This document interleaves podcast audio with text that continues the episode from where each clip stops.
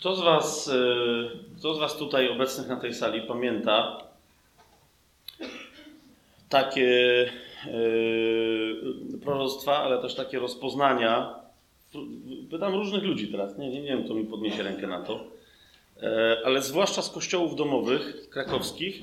Kto z Was pamięta taką po prostu rosnącą w różnych miejscach potrzebę, która się wyraziła modlitwą i wezwaniem módlmy się o to, żeby przy wzroście i powstaniu wielu kościołów domowych, żeby, e, żeby jednocześnie Bóg nam dał możliwość spotkania się, tak żeby żaden z kościołów się nie odrywał od ciała Chrystusa, ale żeby miał jedność w ciele Chrystusa, żeby Bóg nam dał miejsce na wspólne uwielbienie, na, na wspólne nauczanie. Kto z, was, kto z Was słyszał e, albo uczestniczył w takich modlitwach w ciągu ostatniego roku, czy tam dwóch? Możecie wyżej te, te, te ręce podnieść, żebym, żebym widział. Dobra, tam, tam jest.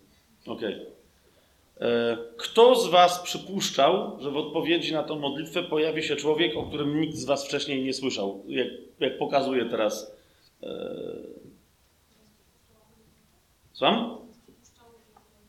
No nie, bo mówimy teraz. Y, bo... Tak. Okej. Okay. Jesz jeszcze raz. E... Zenek, pamiętam, jak podszedł i, i w ogóle coś takiego powiedział, że na tym spotkaniu, które tu organizują w Niepołomicach, e... że się. E... Właśnie, że chce to ogłosić. Tak? Że, że Bóg mu to włożył w serce. Nie wiem, czemu tak jest ale że kościoły domowe, które się spotykają w Krakowie, po prostu powtórzył te rzeczy, które ja słyszałem, jak w wielu miejscach ludzie powtarzali. Dosłownie powtórzył, mówi, że, że, potrzeb, że, że czuje, że Bóg go wzywa, żeby dać kościołom domowym wspólną platformę na, na, do spotkania i do nauczania. Rozumiecie? A przylat, a, a, przylat, ale to po prostu po, pojawił się z, z, akurat z, ze środowiska i z miejsca, którego ja osobiście na przykład nie znałem i nie wiedziałem, żeby tam jakaś aż taka zapalczywa modlitwa o to trwała. Pewnie trwała, nie wiem tego. Duch Boży porusza, ponieważ pracuje w całym ciele Chrystusa, porusza całe ciało Chrystusa. Dzisiaj tutaj pośród nas nie ma jednej yy, yy, dziewczyny, kobiety, mężatka, E, która także prorokowała jedną ciekawą rzecz. Do, do, I do tego stopnia ja ją przyjąłem, że w momencie, kiedy żeśmy się przeprowadzali, szukaliśmy na wiosnę tego roku, szukaliśmy innego, bo musieliśmy się wyprowadzić z, z Woli Justowskiej z Macią i gdzieś szukaliśmy innego miejsca, to pod wpływem tego proroctwa zaczęliśmy szukać na wschodzie. Otóż proroctwo było jasne co do nadchodzącego czasu dla Kościoła. I teraz jej dzisiaj tutaj nie ma, ale, ale ja to proroctwo powtórzę, tak? Mianowicie, że w, że, że, że w Krakowie powstaną trzy mocne ośrodki, trzy mocne ośrodki e, kościołów domowych w samym Krakowie, ale że największy taki ośrodek powstanie, który będzie zasilał wszystkie pozostałe, który będzie zasilał wręcz cały Kraków, że największy taki ośrodek, największy taki kościół, że tak powiem, zbór zborów domowych powstanie na wschodzie Krakowa. Tak? E, ja uznałem, że no to czyli w Nowej Hucie, no bo, no bo gdzie, gdzie ma powstać, tak? Ale jak szukaliśmy z Madzią e, jakiegoś e, domu, tak, mieszkania, czegokolwiek, to Madzia mi świadkiem, Bóg nam pokazał, gdzie się mamy przeprowadzić, a ja uparcie szukałem czegoś na siłę w Niepołomicach. Ale myśmy wtedy nic nie działali, nic, wiecie, nie, nie, nie gadaliśmy nic z żadnym zenkiem, nic z nikim zupełnie. Myślę, że to jest jeszcze jedno z proroctw, które się ma już wkrótce wypełnić. I jest to ewidentnie jedna tylko cząsteczka tego Bożego działania, które rozpoczęło się w Polsce. Mówię to teraz, żeby nie tylko, żeby, żeby nas wszystkich tu włącznie ze sobą, żeby pobudzić do tego, co oto ma nadejść, ale to, co teraz powiem, e, jest wręcz wezwaniem do pobudki, tak, żeby się przyłączyć nie do tego, co ma nadejść, ale co już się dzieje, bo można się nie załapać. Dlatego między innymi to hasło naszego dzisiejszego spotkania to wstań i idź z tymi, którzy już idą. Kochani, kochani, e, jeszcze niedawno idea kościołów domowych była ze względu na to, że one się trochę w różnych miejscach na świecie, w różnych miejscach ciała Chrystusa, że się te kościoły domowe ośmieszyły, y, przez ostatnich parę lat, gdzie nie, gdzie wciąż nawet, jest zupełnie nie do przyjęcia. Do tego stopnia, że niektórzy y, na przykład nie, nie chcą czasem słuchać tego, co ja tam gdzieś y, gadam, e, nie chcą zatem przyjść, żeby posłuchać, bo ktoś im powiedział, że ja za, za, zakładam kościoły domowe w Krakowie. Nigdy w życiu żadnego kościoła nie założyłem. I, I, wiem, że póki co Bóg mnie nie wzywa do żadnego zakładania kościołów. Tak? Nigdy w życiu żadnego kościoła domowego nie założyłem. Byłem kiedyś w kościele domowym. W tej chwili w żadnym kościele domowym żałuję, ale po prostu Bóg nas tak ustawił. W żadnym kościele domowym w Krakowie się nie znajduje. Tak? Kościoły domowe powstają, ponieważ Bóg je podnosi w różnych miejscach. Z druga rzecz. Historia, już to w paru miejscach powtarzałem, jeszcze raz powtórzę. Historia, która myślałem, że jest jednostkowa. Człowiek bez żadnego świadectwa innego wierzącego, kompletnie niewierzący, okultysta itd., tak itd., tak, tak? Ale nie, nie tylko, aktor.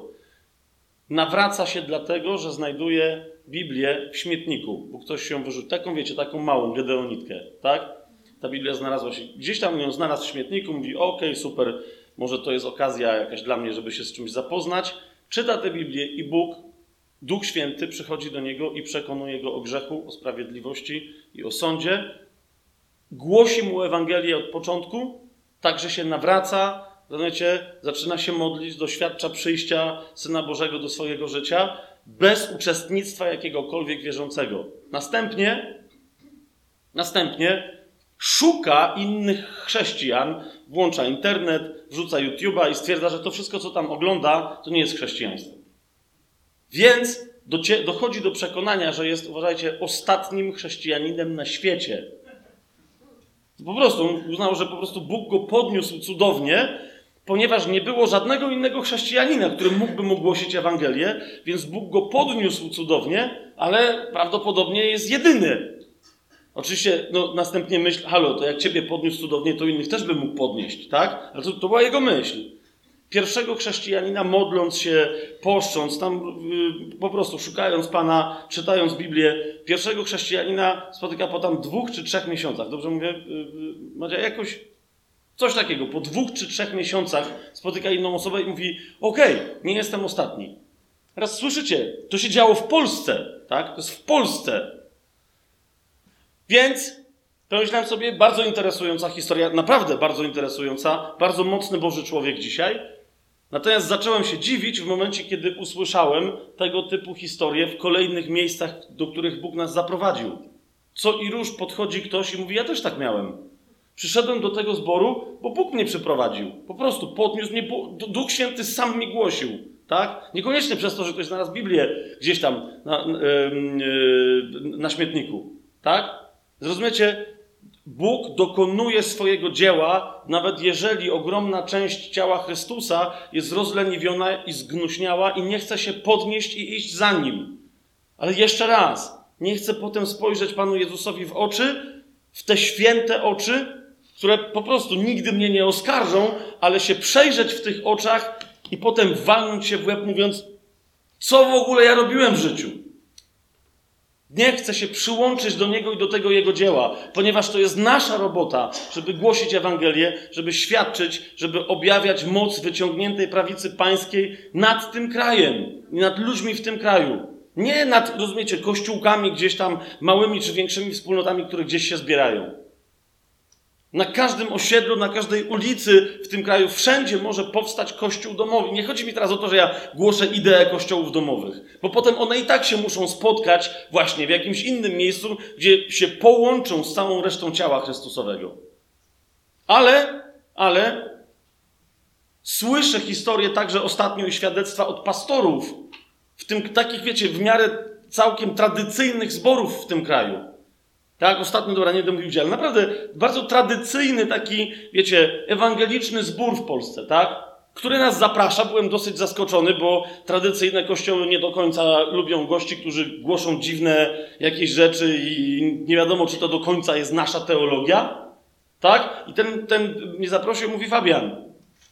W ciągu ostatniego roku dzieją się rzeczy, które się wcześniej nie działy. Ja jestem parę dziesiąt lat pastorem, tak? 20 czy 30. Tyle. I mówi, w ciągu ostatniego roku, mi nigdy w życiu tak nie było. Wychodziliśmy na ulicę, rozdawaliśmy traktaty, modliliśmy się, pokutowaliśmy przed Panem, żeby z mocą wyjść i głosić w tym mieście. I mówi, no i tyle, tak? 100 osób w zborze. Tyle. Jedyny zbór ewangeliczny w całym mieście. Że mówi, w ciągu ostatniego roku pomnożyliśmy się chyba tam, nie wiem, dwukrotnie, nie wiem dokładnie jak to, to, to wyglądało. Tylko, nie tylko, ale, ale głównie z tego powodu, że przychodzą ludzie sami, którzy mówią, że zostali odnalezieni przez Pana. Zostali podniesieni rozumiecie, wyciągnięci, jak mówi psalmista, z dołu pełnego błota i w zasadzie przychodzą, rozumiecie, oczyszczeni krwią baranka po to, żeby ruszać dalej. Tak? To się dzieje wszędzie w Polsce, nie tylko w Polsce, w wielu innych y, krajach też. Y, do, dopiero co żeśmy dostali informację, że na przykład y, Vine Church, nie, nie, nie, chcę powiedzieć, że to jest jakiś zaprzyjaźniony z nami kościół, bo ja tam stamtąd prawie nikogo nie znam, tam może, nie wiem, pięć osób na czele z Reinhardem, ale nagle się dowiadujemy, że ten kościół, rozumiecie, oparty na wspólnotach, na kościołach domowych, tak? Z jedną jakąś tam platformą, gdzie się spotykają, modlą i tak dalej. Prowadząc swoje ewangelizacje, bardzo proste, całkowicie poddane w posłuszeństwie Słowu Bożemu, po ostatniej tylko historii dzielenia się Słowem Bożym i tam jednej takiej organizacji, jednego eventu, tylko że w paru dziesięciu miejscach, w tej chwili albo chrzczą właśnie, albo już ochrzcili pięć tysięcy osób. W jednym miejscu. Rozumiecie? W Brazylii. Braz Brazylia, tak? Tak samo katolicki kraj jak Polska. No już teraz ponoć nie, tam się zdaje się prze, przeważyły szale, ale chodzi mi o to, że i, nie, tu nie idzie o jakąś, wiecie, walkę denominacyjną, że ktoś komuś coś. Nie, w ogóle nie o to mi idzie, tak? Idzie mi tylko o to, że, że my tutaj w Polsce nie mamy żadnego usprawiedliwienia dla swojej nieruchawości. Rozumiecie? Ja też tu nie stoję po to, żeby, żeby kogokolwiek oskarżać. Mówię wam tylko, że niezależnie od tego, co my będziemy, jak my się do tego przyłączymy czy nie przyłączymy, Pan wykona swoje dzieło. Polska może po raz kolejny w swojej historii nie skorzystać z tej szansy, którą, którą właśnie Pan daje temu narodowi i temu krajowi. Polska może z niej nie. Ja teraz nie mówię o żadnej politycznej szansie, rozumiecie? Żadnej ekonomicznej szansie. Mówię teraz o szansie duchowej i Polska może znowu, bo miała takie szanse, może znowu nie skorzystać. Ale jeszcze raz, to my jesteśmy, ewangelicznie wierzący chrześcijanie, jesteśmy reprezentantami, tymi, którzy jako pierwsi mają wziąć te szanse do ręki. Jeszcze raz, słuchajcie, ostatnio przestałem mówić, że przebudzenie nadejdzie do Polski, bo są takie proroctwa. Mówię, ponieważ to widzę, że przebudzenie już jest w Polsce. Przychodzi jak takie dziwne tsunami, które najpierw jest, wiecie, jest po prostu przypłynięciem takiej, takiej po prostu podniesieniem się poziomu wody. I ty gdzieś tam stoisz, było sucho, teraz ona się lekko podnosi, mówi, że trochę jest mokro, nie wiadomo co się stało, ale, ale to wchodzi i zalewa w ten sposób działająca moc Słowa Bożego, Ducha Świętego, wchodzi i podnosi się, zaczyna się coraz mocniej podnosić w tym kraju. Jeszcze raz, nie idzie o to, żeby ktoś nad kimś wygrał, ktoś do kogoś o coś, jakieś tam dzieło przeprowadził, przepchnął i przekonał i potem sobie podbił pieczątkę, hura, wygraliśmy, to w ogóle nie ma nic do rzeczy. Nie chodzi o to, żeby jakaś jedna denominacja się, rozumiecie, chwyciła i, i, i nagle okej, okay, to teraz wszyscy do nas. Nie ma w ogóle żadnego znaczenia. Niezależnie od tego, co niektórzy ludzie, yy, na szczęście nie ma ich wielu, tak, ale co twierdzą, że gdzie w wyniku na przykład tego, jak działa tajemny plan i co się w YouTubie dzieje i tak dalej, mówią, że gdzie ci ludzie trafiają. Po prostu prawda jest taka, że mam nadzieję, że trafiają do dobrych, ewangelicznie wierzących, biblijnie wyznających zborów, kościołów, wspólnot, społeczności. Nie wiem, gdzie, co do niektórych wiem, gdzie ci ludzie trafiają. Ale moim zadaniem nie jest pracować nawet, rozumiecie, dla żadnej, nie wiem jak bardzo mi pasującej denominacji w kościele, która ma taką czy inną doktrynę. Ponieważ ja nie jestem królem wszechświata i nikt z nas nie jest, tylko Jezus Chrystus nim jest. I On wie, gdzie, jak, przez kogo, przez które kościoły będzie chciał działać. Jedynym moim zadaniem jest otrzymać za każdym razem, kiedy nie wiem, co dalej się dzieje, jest otrzymać kolejne słowo, kolejną obietnicę, chociażby tylko na kolejny dzień, której będę się mógł chwycić jak kotwicy i dać jej pociągnąć. Ja nie muszę niczego wywoływać. Rozumiesz?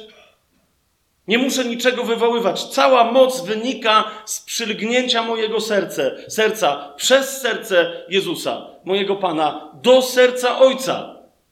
Cała tajemnica jakiegokolwiek sukcesu chrześcijańskiego, którym za, za chwilę nieco więcej, jest wyłącznie tajemnicą wreszcie odwrócenia wzroku od siebie w lusterku i od innych, i od zastanawiania się, co myślą na mój temat, jaką koncepcję podejmą. Zobaczcie, ostatnio wreszcie poczułem autentyczną wolność, kiedy ludzie podchodzą do mnie i, i mówią mi coś, albo wprost, żeby przetestować, czy jestem taki cwany i czy rzeczywiście to, co głoszę, czy nie da się tego podważyć, albo mówią mi coś innego, ale nadal chodzi o to samo. Zobacz, mam opinię na Twój temat. Wszyscy żyjemy w takim kieracie. Zdumiewa mnie, że jako chrześcijanie żyjemy w takim kieracie. Rozumiesz? Kierat brzmi: Mam opinię na Twój temat. Jakąś. No nieważne nawet jaką, może pozytywną. Chodzi mi o to, że dla większości z nas, jeszcze teraz mówię o chrześcijanach, jest nie do wytrzymania, żeby się nie dowiedzieć, a jaką. Rozumiesz? Czy to będzie pochwała, czy to będzie nagana? Cóż takiego ci się nie podoba? Oczywiście są pewne rzeczy, których nie możesz ruszyć, a to powiedz mi, powiedz w domyśle, żebym wiedział, czy cię zakwalifikować jako przyjaciela, czy jako wroga. Ja powiesz, cały system.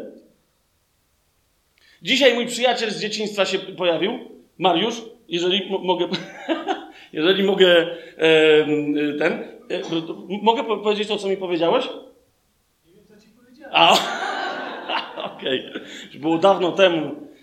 A wiecie, Mariusz przyszedł i mówi, jak to Mariusz, tak? On jest sam podstępny, e, prowokatywny i tak dalej, i tak dalej. Przyszedł i mówi, nie widzieliśmy się dosyć długo, tak? Przyszedł i mówi, wiesz co Fabian?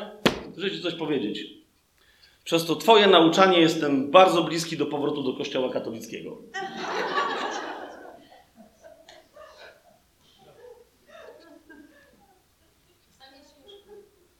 Moja żona mówi, wcale nie śmieszne.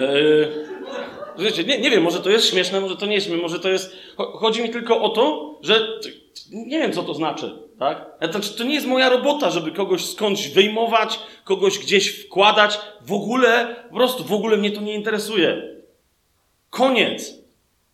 Moc wynika z tego, kiedy działasz tak jak Jezus. A Jezus pierwsze, co robił, i pierwsze, do czego yy, nawoływał, to było, żeby się wreszcie oderwać od opinii ludzkiej. W wielu miejscach powtarza, jak możecie wierzyć, jeżeli zamiast oczekiwać chwały od tego jednego, który może udzielić chwały, oglądacie się, czy dostajecie, czy nie chwałę od innych ludzi. To jak możecie uwierzyć? Powiedziałbym dla tych, którzy mimo wszystko uwierzyli, jak możecie następnie z tej wiary, która w was zakiełkowała, w, przejść do miłości owocującej, jeżeli nadal stwierdziliście, ok, załatwienie, za, za, zbawienie załatwione, nie pójdę do piekła, teraz trzeba się jakoś okopać i przetrwać do powrotu Pana Jezusa. To jest to samo. Jak możecie mieć miłość, która będzie dowodem mojej mocy i jedynym źródłem mojej mocy w tym świecie, jeżeli się oglądacie na chwałę ludzką, zamiast oczekiwać chwały tylko i wyłącznie od Boga? Podnoszę, jeszcze raz, podnoszę ręce, jeszcze raz poddaję się. Jak ktoś chce być osądzany kiedyś, to niech mnie teraz osądzi. A jak ktoś chce być kiedyś potępiany, to niech mnie teraz potępi. Ale jak ktoś chce mi dowalić w głębokości miłości chrześcijańskiej, też niech tak zrobi. Pokutuję przed wami jako przed całym Kościołem.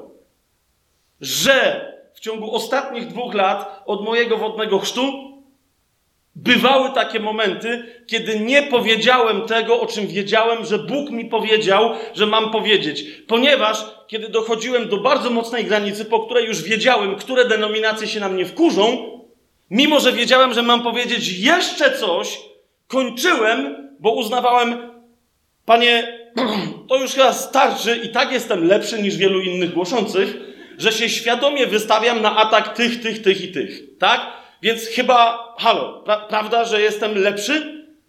Bóg mi ewidentnie mówił, ale musisz dodać jeszcze to. To jest to, czego od ciebie oczekuję, a ja wtedy zrobiłem co? Mówię, okej, ale jak dodam jeszcze to, to może nawet moi się ode mnie odwrócą. Moi, mówię o tych paru nastu wtedy osobach, y, właśnie z którymi potem, wiecie, chodziłem się spotykać tydzień w tydzień, wtedy jeszcze, no właśnie u, u, u Weroniki i u Tymka w domu, tak? Na, na, rozumiecie, przychodził diabeł i mówi, mm? A opinia tych ludzi dla ciebie się nie liczy? Zostaniesz sam jak palec! Sam jak palec! I rozumiecie, wy- wychodziłem następnie i mówiłem, ej, jest ten gość? Z której strony chcą, to mnie klepią. Tak? Dla Kościoła Rzymskokatolickiego wróg numer jeden. Dla tej i tej, i nie będę teraz mówił, których denominacji, wróg numer dwa. No, wróg numer jeden to jest dla nich Kościół katolicki. Ja jestem wróg numer dwa. Tak? Niektórzy, co bardziej żartobliwi, wyszli i powiedzieli, "Pff, Błaszkiewicz, tak, a to była nawrócenie. On jest dalej księdzem. Jest, wiecie, by, byłem jezuitą, tak? Jezuitą się nie przestaje być. I tak dalej. I teraz, mhm. Z każdej strony. A po tym wszystkim przyszedłem do Pana tak jak Jeremiasz, tak? I mówię, Panie, widzisz, widzisz to? A Pan mi powiedział, pokutuj, synu. Jeszcze? To mówi, to bo człowieku nie byłoby żadnego problemu. Żadnego problemu. Gdybyś wreszcie wszedł na tą ścieżkę sukcesu, którą ja wyznaczyłem jako ścieżkę sukcesu duchowego. Dalej kombinujesz po swojemu. Nawet jeżeli zostaje ci jeszcze tylko choćby jedna osoba, na którą się odwracasz, ludzka, która nie jest osobą boską, wciąż oczekujesz. Ja nie powiedziałem, że musisz oczekiwać chwały od tłumów. Wejdź wreszcie na drogę tej wolności, w ramach której będziesz mógł powiedzieć: Już nie znam nikogo według ciała od czasu, gdy poznałem Chrystusa. Nie znam już nikogo według ciała, ale wszystkich chcę widzieć tylko w duchu. Podam wam pierwszy przykład. I teraz znowu, jeżeli kogoś urażę w tym momencie, zrozumcie, nie- nie stoję tu po to, żeby kogoś oskarżać. Sam do siebie głoszę. Jest to jasne? Sam do siebie nadal głoszę.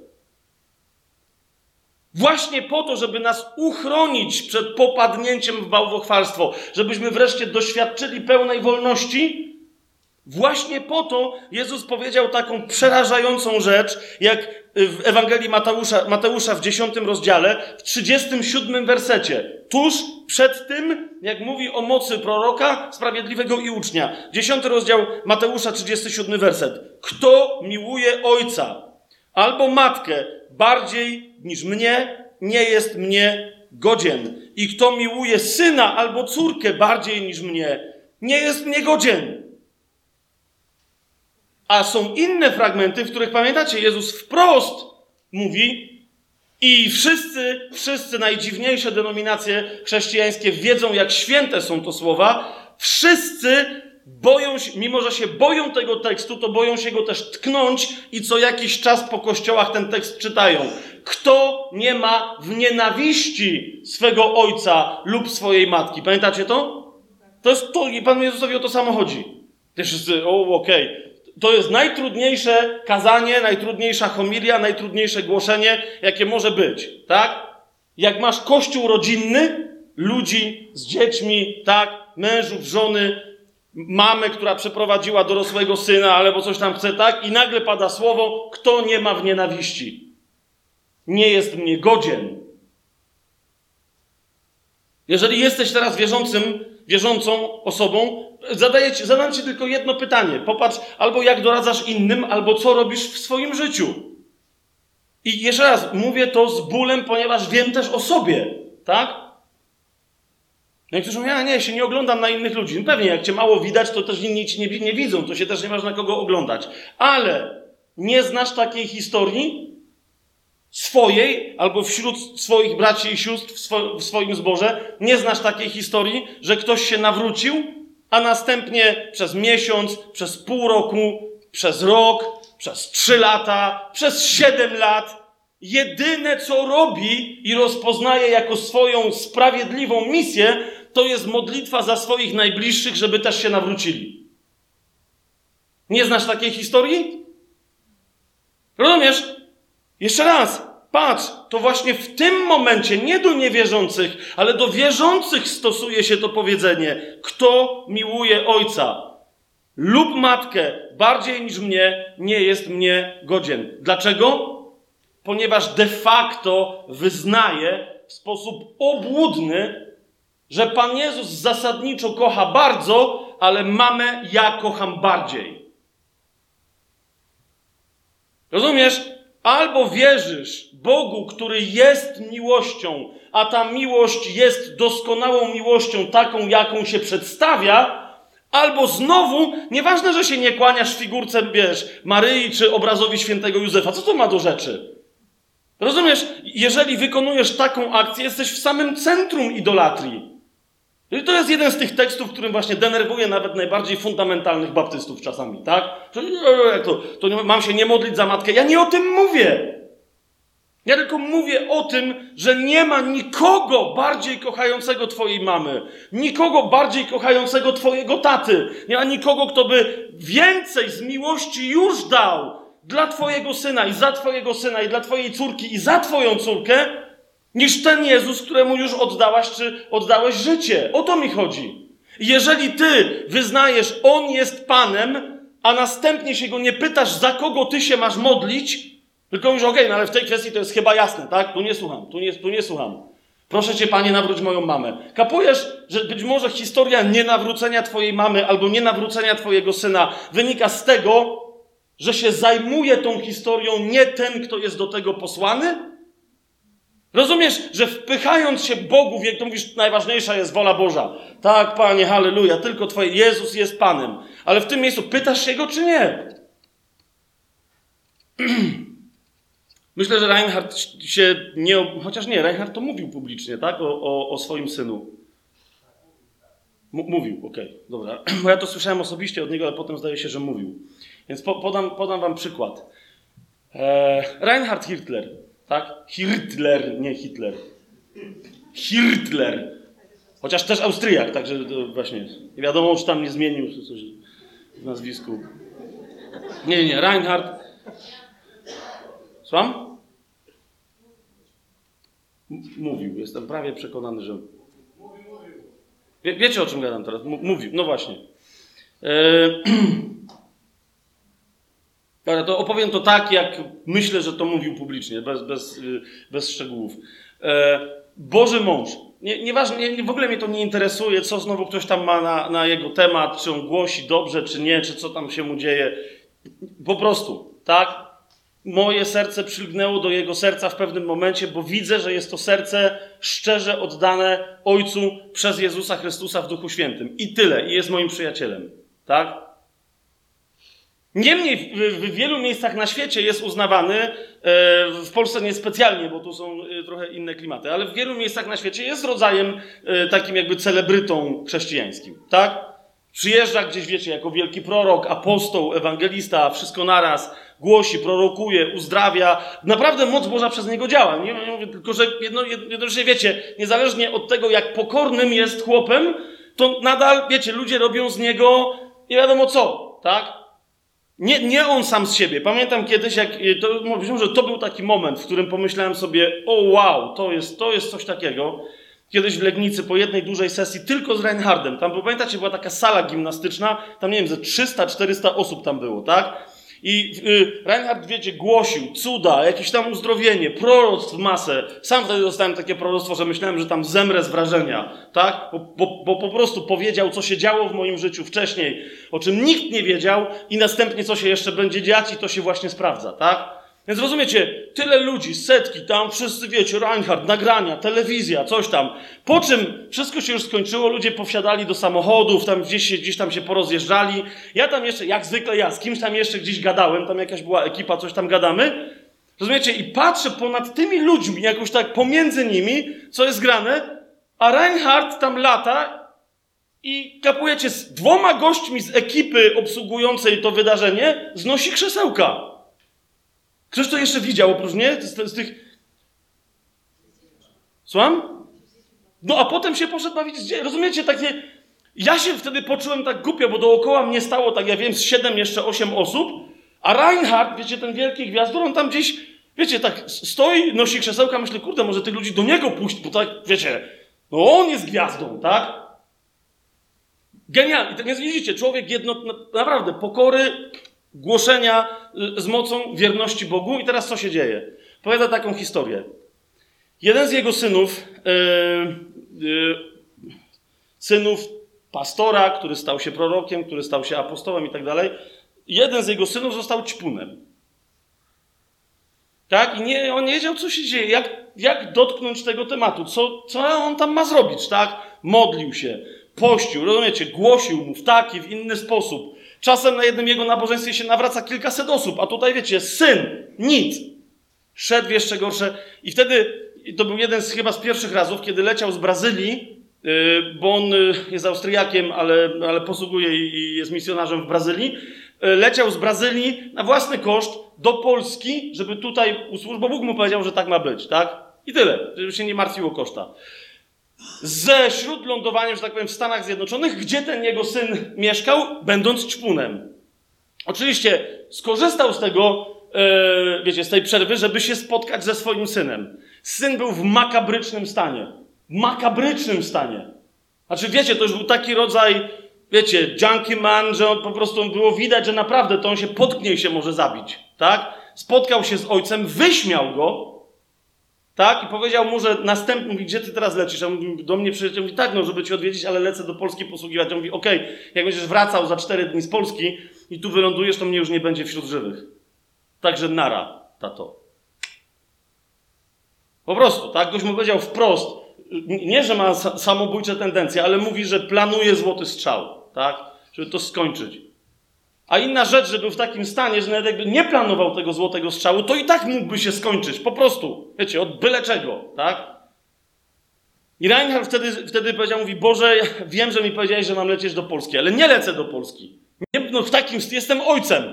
Wiecie, i tam taka tyrada, że mówi, jaki w ogóle co, tu mówi, tu syn, tu... I jak już przestał tam tyradować, on mówi, że jasny, spokojny, delikatny, ale stanowczy głos usłyszał w swoim sercu. Mówi Reinhard, że naprawdę chcesz mi powiedzieć, że kochasz tego człowieka bardziej niż ja? Czy ty naprawdę chcesz mi powiedzieć, że jesteś w stanie zrobić jako ojciec biologiczny tego twojego biologicznego syna? Że jesteś w stanie dla niego zrobić więcej niż ja? To wiecie, Reinhardt wiedział, do czego to zmierza, ale no dobra, ale musiał powiedzieć prawdę. Mówi, no, no nie. Mówi, więc wreszcie, posłuchajcie tego, więc wreszcie oddaj mi mojego syna. Ojciec powiedział do tego ojca. Mówi, oddaj mi wreszcie mojego syna. Oddaj mi wreszcie moje dziecko. Jeszcze raz to przeczytam. Ewangelia Mateusza. Kto miłuje ojca albo matkę bardziej niż mnie, nie jest mnie godzien. Dlaczego? Ponieważ blokuje mój dostęp do nich. To nie jest żadne, wiesz, wezwanie Jezusa do tego, żeby twoje działanie, żeby ciebie, żeby cię odrzeć z emocji, żeby cię odrzeć z wszystkiego. Sęk w tym, że my nie mamy dziadka w niebie, ale ojca. A jeżeli mamy ojca w niebie, to twój ojciec, według ciała, jest twoim bratem. Bóg by dał, żeby bratem w Chrystusie, ponieważ on ma tego samego ojca, co ty. Rozumiesz? Ty, mając córkę, nadal, ponieważ ona ma też tego samego ojca co ty, ta twoja córka w oczach Bożych jest twoją siostrą. Bóg by dał, żeby siostrą w Chrystusie. My wszyscy jesteśmy Jego dziećmi i my, sprowadzając na ten świat dzieci, jeszcze raz, sprowadzamy na ten świat dzieci naszemu Ojcu, który jest w niebie.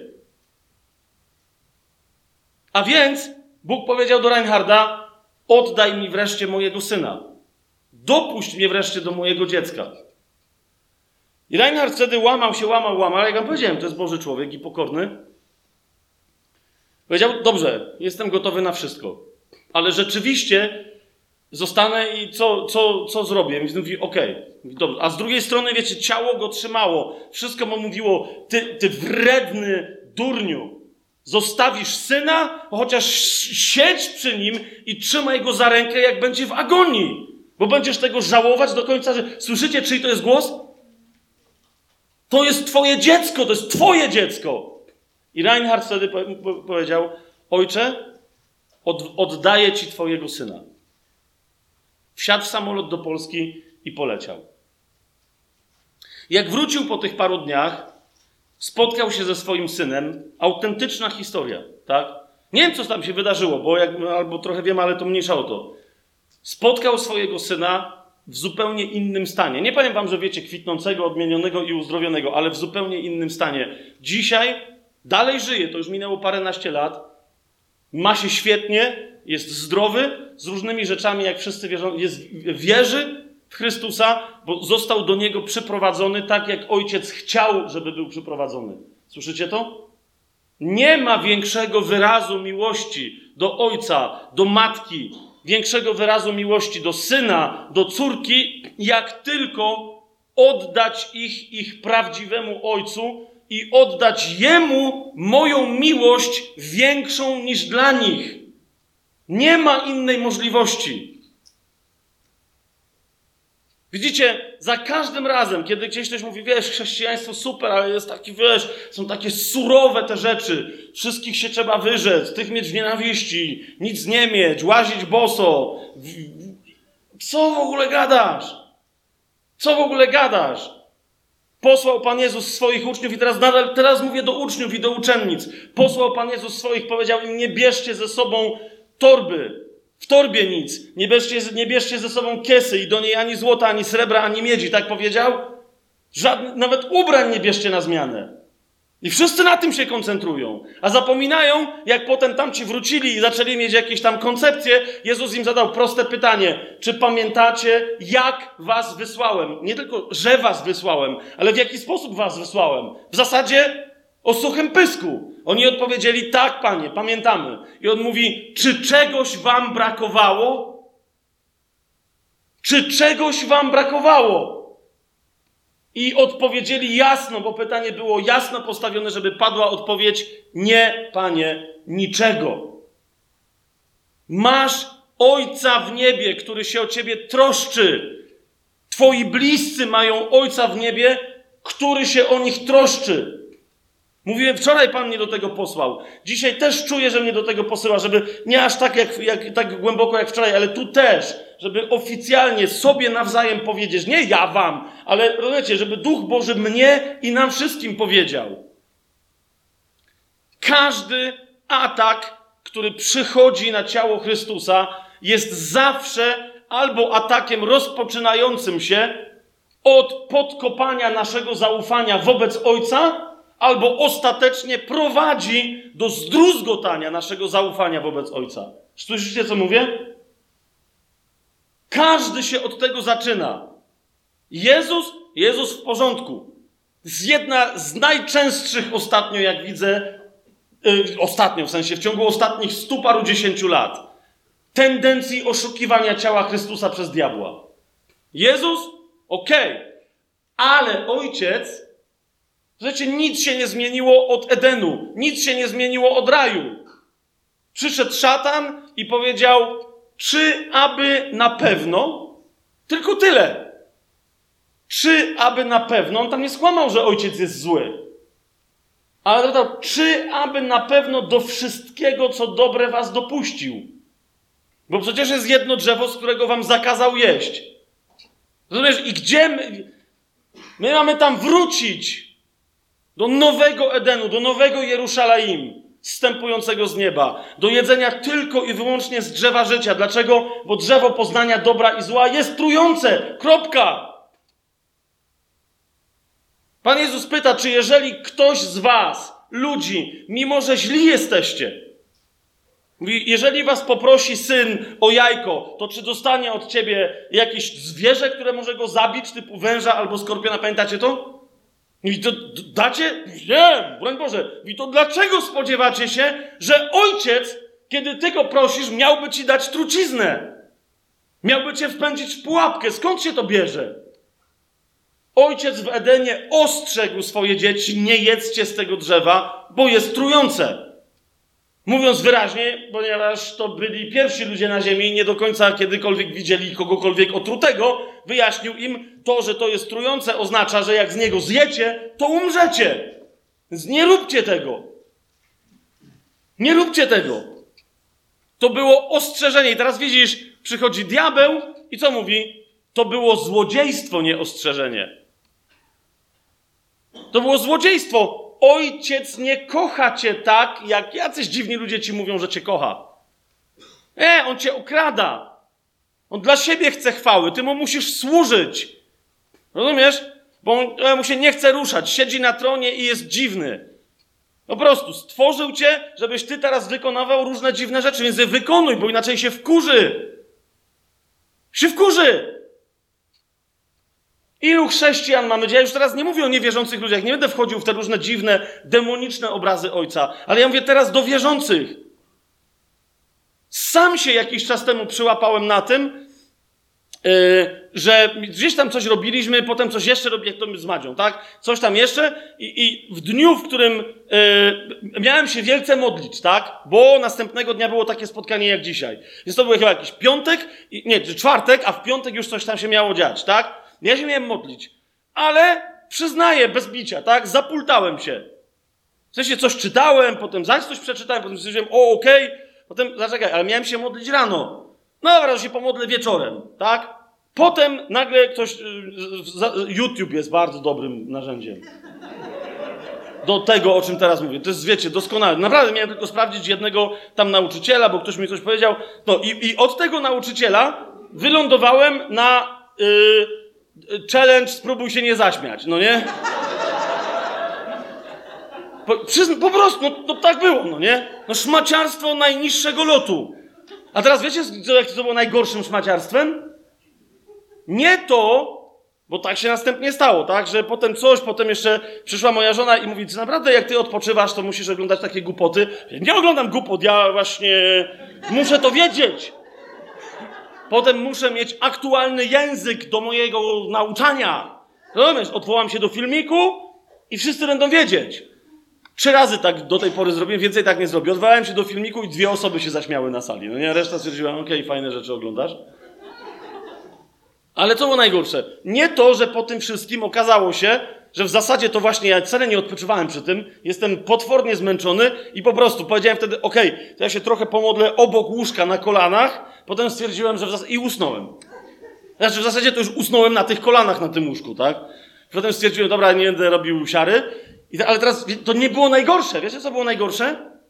Że następnego dnia, od samego rana trzeba było działać i następnego dnia przez pół godziny Rozumiecie? Nie wiedziałem, jak przeprosić ojca, bo. Teraz słuchajcie, co ja gadam. Mówię, wszystko, obnażam wam siebie, aż nie wiem po co to robię. Duchu Święty. Okej, okay. ale po prostu, tak? Nie wiedziałem przez pół godziny, nawet nie przepraszałem ojca, tylko nie wiedziałem, jak to mam zrobić, bo mi się wydawało, że to był taki bezsens poprzedniego dnia, że za to trzeba jakoś specjalnie odpokutować. A w razie nieważne, że odpokutować, tylko rozumiecie, miałem się modlić przynajmniej dwie godziny, przynajmniej. Znaczy się w ogóle nie pomodliłem. Teraz za chwilę mam nauczanie przez cały dzień. Ci ludzie tam, nie chodzi mi teraz o to, co oni sobie o mnie pomyślą, tylko przyjdą w oczekiwaniu od Ducha Świętego, że ich poruszy. Jak ja go teraz zablokuję, a! Słuchajcie, to było coś takiego. I teraz jak ja mam, jakoś, nie wiem, przyspieszony czas, żeby będę się modlił, nie, dwie godziny w 15 minut, czy nie wiem. I w, do, dopiero w tym wszystkim, dopiero w tym wszystkim Duch Święty powiedział mi krew Jezusa. Tylko tyle. I, i, do, I dopiero do mnie dotarło. Bóg nie przestał cię ani ty cieczkę kochać tylko dlatego, że jesteś cymbałem Błaszkiewicz. Rozumiesz? Bo, bo w momencie, kiedy byłeś przestępcą, w momencie, kiedy byłeś mordercą, w momencie, kiedy byłeś winien kary wieczystej, piekła i cierpień, rozumiecie, byłeś winien i nawet jakby cię na wieczność tam zamknęli, to nadal to by było za mało, dlatego to jest wieczna kara. Byłeś tego wszystkiego winien, to w takiej sytuacji i w takim beznadziejnym stanie Twojego ducha, On posłał swojego syna, żeby Ci okazać swoją miłość. Rozumiesz, to co Ty jeszcze możesz w swoim życiu wymyślić, Co mogłoby jego miłość do ciebie zmienić, skoro w najgorszym możliwym swoim stanie on do ciebie posłał swojego syna i za ciebie posłał swojego syna. Żeby tę karę, która się tobie należała, żeby on ją poniósł. Do końca. List do Rzymian, piąty rozdział, tylko jeden cytat będzie na ten temat, ale jak już to powiedziałem, to usłyszmy to nie ze, tylko ze słowa świadectwa, ale ze słowa, które ma moc, bo jest słowem tego, który żyje na wieki. Z piąty rozdział listu do Rzymian. Ósmy werset i następny. One mówią wprost, dokładnie właśnie o tym. Zobacz, co mówi ten werset. Bóg okazuje nam swoją miłość. I zwracam Wam uwagę na czas. Nie okazał, ale okazuje nam swoją miłość. Dlaczego? Ponieważ to, co za chwilę po tym, ta informacja, która za chwilę nastąpi, jest kluczem do tego jego okazywania miłości non-stop. Bóg okazuje nam ciągle swoją miłość. Przez co? Przez to, że nawet gdy jeszcze byliśmy grzesznikami, Chrystus za nas umarł. Tym bardziej więc teraz, będąc usprawiedliwieni czym? Jego krwią, niczym innym. Będąc usprawiedliwieni Jego krwią, będziemy przez Niego ocaleni od wszelkiego gniewu. Jeśli bowiem, będąc, zwróć uwagę na ten wyraz, nieprzyjaciółmi Boga, zostaliśmy pojednani z tymże Bogiem przez śmierć Jego Syna, tym bardziej, będąc pojednani, jesteśmy ocalani przez Jego życie. Słyszysz to? A teraz wiesz, yy, moja przewina de facto polegała na tym, że ja sam sobie, zauważ, a nie Bogu, obiecałem dwie godziny modlitwy i potem przepultałem ten czas. Są chrześcijanie, którym, którym noga się gorzej powinie. Rozumiesz? I naprawdę problem nie polega w tym, jak im się powinęła noga, ale jak następnie po tym upadku pozwalają do siebie mówić diabłu, który przychodzi i głosi im taką nowinę. Bóg okazał ci kiedyś swoją miłość przez to, że gdy jeszcze byłeś grzesznikiem, to Chrystus za ciebie umarł. Ale teraz, kiedy jesteś już usprawiedliwiony Jego krwią, musisz sam siebie w oczach Bożych ocalać, bo On już wszystko załatwił. Słyszycie to, co ja teraz mówię? Jeszcze raz. Przeczytajmy, jak mówi Słowo, bo to jest diabeł. Słowo mówi: Bóg nieustająco okazuje nam swoją miłość. Przez to, że gdy jeszcze byliśmy grzesznikami, Chrystus za nas umarł. To, że się wykonało, jest kluczem do wszystkiego. Dlatego list do Hebrajczyków mówi wyraźnie, że mamy bezczelną, to ja dodaję, ale tam jest naprawdę takie znaczenie, że mamy bezczelną śmiałość, gdy przystępujemy do Ojca. Czemu? Ponieważ w nim staliśmy się takimi dziećmi, u których nie postrzega się jako winy, kiedy są bezczelne wobec swoich rodziców. Jeremiasz śpi? Dobra, jeśli dro, tak drę trochę. Okej. Okay. Ale on już doszedł do... Ile on ma lat? 20 miesięcy. Taki chłop! Wzięliście go? Jeremiasz, 20 miesięcy. Dobra. Doszedł już do takiej fazy, że zaczyna was o coś prosić, czegoś się doma... Okej. Okay. Powiedz mi, yy, ile razy dostał od ciebie w twarz za to, że tak robił? Bezczelny typ. To jest mama, to jest mama Jeremiasza, tak? To jest mama Jeremiasza. A powiedz mi, ile razy... O, a tam siedzi tata na górze.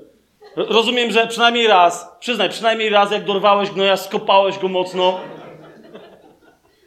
Ale to chociaż nie wiem, powiedziałeś mu, słuchaj, dziadu, teraz przez miesiąc tu masz y, modlitwy do odmawiania, tu masz y, drogę krzyżową. Y, jak to wszystko odprawisz, może ci przebaczę. To jest 20 miesięcy, już jest poważny człowiek. Dobra, słyszycie, co, co ja bredzę w ogóle w tym momencie? Rozumiecie? Zobaczcie na tych rodziców, weź. No. Kasia, wy, wybacz, aż zbladła dziewczyna. Tam, co w ogóle, tu, ale dobrą nowinę głosicie. Teraz kapujesz?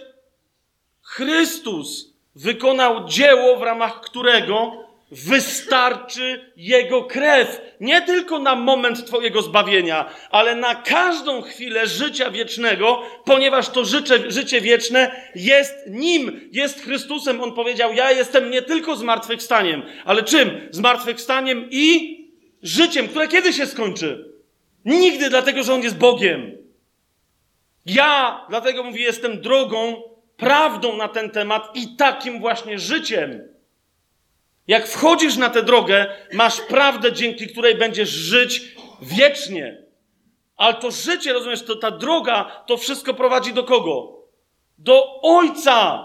Ponieważ na końcu nawet ten tak potężny, który jest zmartwychwstaniem i życiem, jak mówi Słowo Boże, wszystko poddawszy sobie, sam następnie z tym wszystkim podda się komu?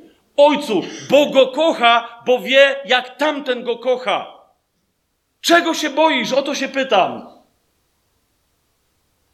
Ile, jak wiele osób nie przyjmuje dobrej nowiny, wiecie dlaczego?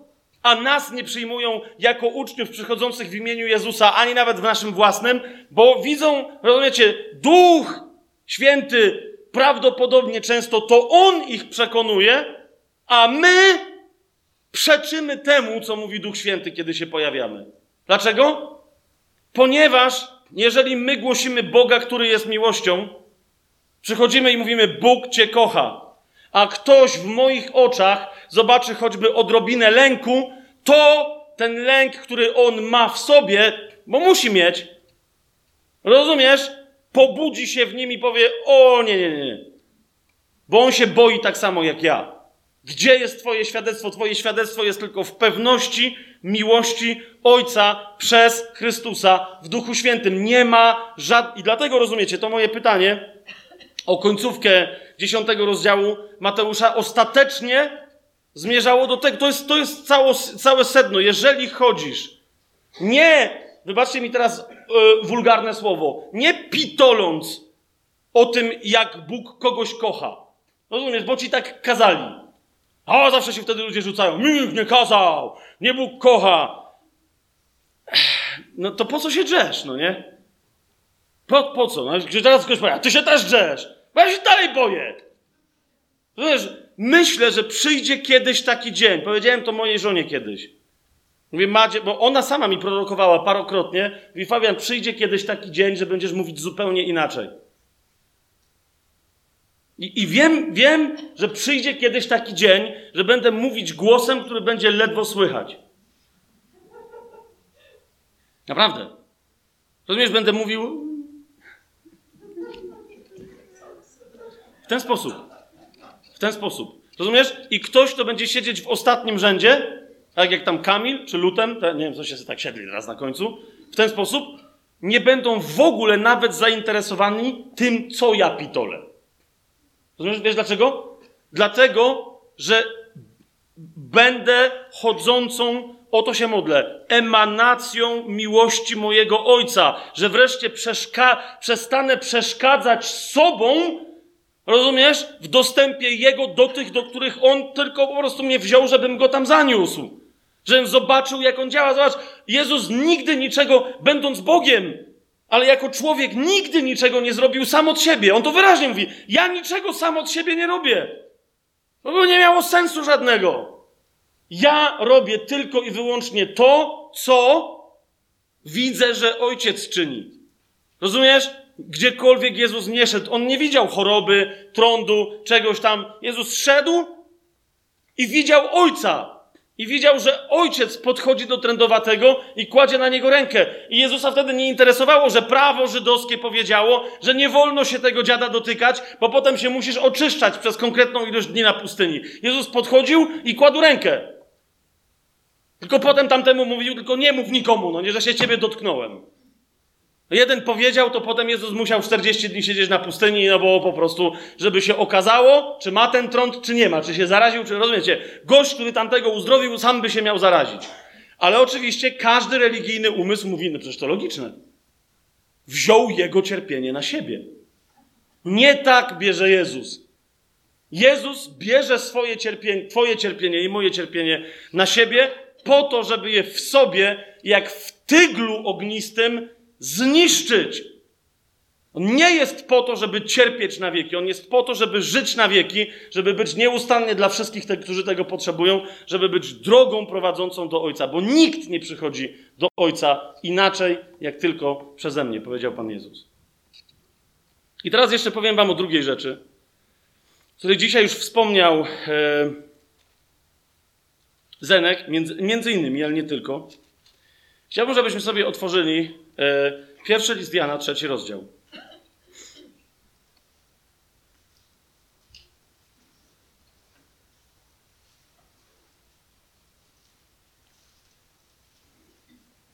Kiedyś pamiętam e, taką rozmowę.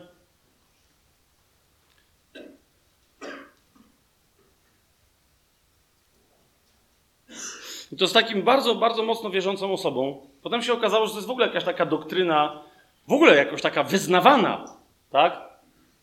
Bo bo rozmowa tyczyła się, co, co jest w tej chwili Twoją największą radością. I ten człowiek mi powiedział, to jest moja nadzieja. Nadzieja na, no wiadomo, że na przyszłość, tak? Ale na co? I on mi powiedział, na to, że się staniemy w pełni dziećmi Bożymi. Więc yy, od razu moja myśl poszła tutaj. Zobaczcie, co tu jest napisane. I też otworzyłem mu to słowo, tak? A on mówi, czytałem to słowo z milion razy w moim życiu. W życiu mi nie przyszło, żeby tak o tym pomyśleć. Jak? No tak, jak jest napisane. Rozumiecie, co się dzieje? To, to wszystko, co ja wam teraz mówię, jeszcze raz chcę dotknąć e, takim lekkim prądem elektrycznym słowa, które teraz tutaj padają. Chcę, chcę żeby, że, rozumiesz, zostaw swoje definicje, a, a szukaj de, de, tego, co ja teraz mówię, czegokolwiek innego, definicji w Słowie Bożym. Mówi, jak to? No przecież naszą przyszłością jest być dziećmi Bożymi. No to mówię mu, a to teraz to kim jesteśmy? Ciupaskami Bożymi? Co to znaczy w ogóle? Nie no, teraz też jesteśmy. Ale później będziemy tak, wiesz, bardziej się z tego cieszyć. Serio, to jest taka różnica? No bo już będziemy w niebie. Mówię, ale wiesz, w niebie nie zabawimy za długo, bo z Panem Jezusem potem wracamy na ziemię. Mówię, a czekaj, e, co, co w ogóle, jak to wracamy na ziemię? Mówię, no tak, no wracamy, no po to, przecież mamy zmartwychwstać w ciele. Po co nam w niebie funkcjonować jako, wiecie, duszyczki, tak? A on mówi, jak? Ale jak? Mówi, że tak, jak to? Mówi, tak jak Żydzi w to wierzą? No czekaj, mówię, a ty nie wierzysz? No ja, rzeczywiście, no tak, ciała zmartwychwstanie, rzeczywiście. O, mówi, no to wiem, to co w niebie będziesz, wiesz, chmury, niebo i ty. Superman, po co? Mamy wrócić na ziemię. O kurde, mówi, to będzie dziwne. Ale takie wiecie, podekscytował się, tak? Mówi, no ale dalej jako zmartwychwstałe dziecko Boże. Tu mnie jeszcze raz, no, ale powiedz mi, co tu jest napisane. Trzeci rozdział, pierwszy list Jana. Patrzcie, jaką miłością obdarzył nas Ojciec, że zostaliśmy nazwani dziećmi Bożymi. Pierwsza rzecz, zostaliśmy nazwani. W Biblii, jak ktoś został nazwany, to jest. I dlatego, dla podkreślenia tego, bo Jan przypomniał w Duchu Świętym, że mogą to też poganie czytać, którzy po grecku myślą, dlatego nie tylko zostaliśmy nazwani, ale drugi werset, umiłowani. Teraz, bardzo ważne słowo, teraz jesteśmy dziećmi Bożymi. Rozumiesz? Teraz mamy przystęp do Ojca. O, Jeremiasz, darłem się i się obudził i poszli z mamą, tak? Ale widzieliście, co się stało? Krzyknął, podniósł się, mama, ależ oczywiście, synu, chodź. Dziecko ma prawo być bezczelne. Dlaczego? Bo nie ma wątpliwości co do tego, że jest kochane. Później dopiero za zaczynamy mu obcinać i gwałcić to słuszne przekonanie, że ma prawo być kochane. Całkowicie, bezwarunkowo, kompletnie i do końca. A zatem zobacz. Słowo Boże mówi: umiłowani, którzy jesteście umiłowani, teraz jesteśmy dziećmi Bożymi. Przestań czekać, aż się w niebie zaczną wypełniać prawidła dziecka Bożego, bo teraz jesteś dzieckiem Bożym. Przyjmuj to, co masz od ojca i przyjmuj ojca tak, jak przyjmuje dziecko, bo inaczej potem się naprawdę nie wepchasz do Królestwa Bożego. Bo tam dzieci wchodzą. Dzieci kogo? Swojego ojca. Korzystaj ze swojego dzieciństwa. Kiedy? Teraz, bo teraz jesteś dzieckiem Bożym. Zobacz, co jest tam dalej napisane. Umiłowani, teraz jesteśmy dziećmi Bożymi. To nie jest szczyt marzeń. To nie jest żaden szczyt marzeń. To jest początek marzeń. być dziedzicem wszechświata. To jest początek u Boga, rozumiesz? Bo jesteś, jak jesteś dzieckiem, bo jesteś takim samym dzieckiem Boga jak Chrystus, bo jest wyraźnie powiedziane, że my w Nim nie jesteśmy adoptowani. Pierwszy rozdział Ewangelii Jana, ale że jesteśmy zrodzeni z Boga. Pamiętacie to? Pierwszy rozdział. Nie z woli męża, nie, nie się, ale zrodzeni z Boga. A więc jesteś dzieckiem Bożym. I teraz, ale patrz, co tam się dalej dzieje. Umiłowani, teraz jesteśmy dziećmi Bożymi, a jeszcze się nie objawiło, czym będziemy. Przestań wreszcie się oszukiwać, siostro i bracie, przestań się oszukiwać, że te nasze tutaj jakkolwiek niecudownie opowiedziane wyobrażenia na temat nieba i przyszłego życia tu na ziemi z Panem Jezusem królującym, przestań się oszukiwać, że rozumiesz, że są tak cudowne. To mizeria jest. To jest mizeria. Pierwszy do Koryntian sobie, yy, sobie otwórz. Pierwszy do Koryntian, yy, pierwszy rozdział, tak? Albo nie, drugi.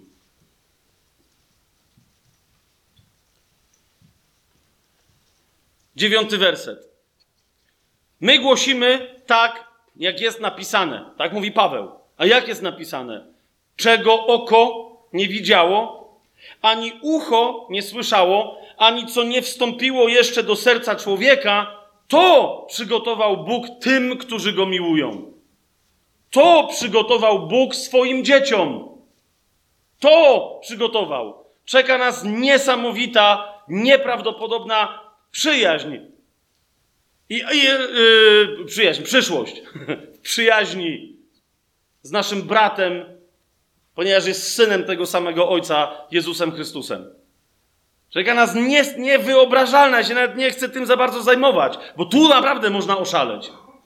Bo ani oko nie widziało, ani ucho nie słyszało. Nie wstąpiło to w serce człowieka, co Bóg przygotował tym, którzy go miłują. Rozumiesz? Coś więcej niż bycie śmiałym w przystępie do Ojca dzieckiem.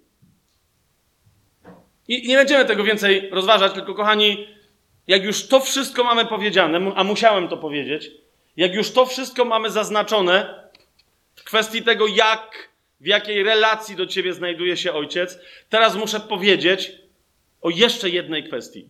To będzie ostatnia rzecz, którą dzisiaj poruszymy. Nie inaczej to poszło niż chciałem, ale, ale poszło tam, gdzie on chciał. Niemniej, teraz, teraz jeszcze ta kwestia. Jak dzisiaj po kościołach różnych, zborach, denominacjach i tak dalej, jak dziś, ale ewangelicznie wierzących, ja teraz nie mówię o innych dziwnych, tylko ewangelicznie wierzących, jak się rozpoznaje kogoś, kto jest zbawiony? Po czym się go rozpoznaje? Teraz widzicie, powiem taką rzecz, która czasem, ja ostatnio w ogóle gadam sporo rzeczy, które denerwują ewangelistów, a potem jak o tym gadamy, to mówią, a nie, w sumie miałeś rację, rzeczywiście. Musimy coś poprawić. Teraz znowu powiem taką rzecz, która więc wszystkich ewangelistów na sali od razu z góry mówię, naprawdę wybaczcie mi. Myślę, że na końcu się złapiemy. Tak? Ale widzicie, bardzo często przez to yy, właśnie, że ewangeliści jakby wzięli w swoje ręce kwestię decydowania, kto jest zbawiony, a kto nie, no to od razu pada list do Rzymian 10, 9, 10, tak? Kto jest zbawiony? Jeżeli w sercu swoim uwierzysz, a ustami wyznasz, tak? A zatem co jest kryterium decydującym? Wyznanie wiary. Zgodzicie się ze mną? Czy ten ktoś wyznał wiarę? A jak jest jeszcze ostrzej, to kryterium jest, czy ten ktoś wyznał wiarę we właściwy sposób. Zgadza się? Czy, bo inaczej, jak to? Ale, ale powiedział, że wierzy w zmartwychwstanie. Okej, okay, a e, wiecie, jest takie... Jeżeli widzisz chrześcijanina, który Inni bracia i siostry patrzą na niego i coś tam się, coś tam się plącze u niego w życiu. Jakby tak mówią, ale coś jakby tam, coś tam nie zażarło, coś nie kliknęło, coś tam nie idzie. Co się dzieje? Pierwsza myśl, jaka w wielu się rodzi, to jest, że może on jest niezbawiony. Nie, ale chyba. Y, więc jest. Czekaj, to upewnijmy się. Siódmy raz ja wiem, że wyznawałeś wiarę, że to, ale może jednak wiesz, przy tym nie do końca złamałeś serce, może przy tym wiesz, nie do końca pokutowałeś, może cały czas jest kwestia, czy jego przyjęcie w wierze życia od Chrystusa, czy, czy było wykonane w sposób ważny. Wiecie o co mi chodzi? Czy to było ważne? Teraz uważajcie, jak w tym kontekście wracamy do pierwszego listu y, Janowego, do trzeciego rozdziału.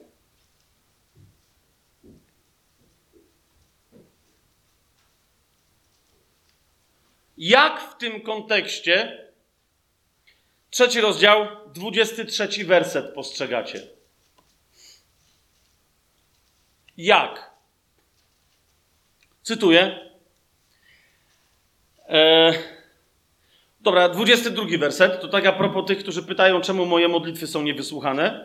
22 werset mówi: O cokolwiek prosimy, otrzymujemy od Niego, bo zachowujemy Jego przykazania i robimy to, co jest miłe w Jego oczach.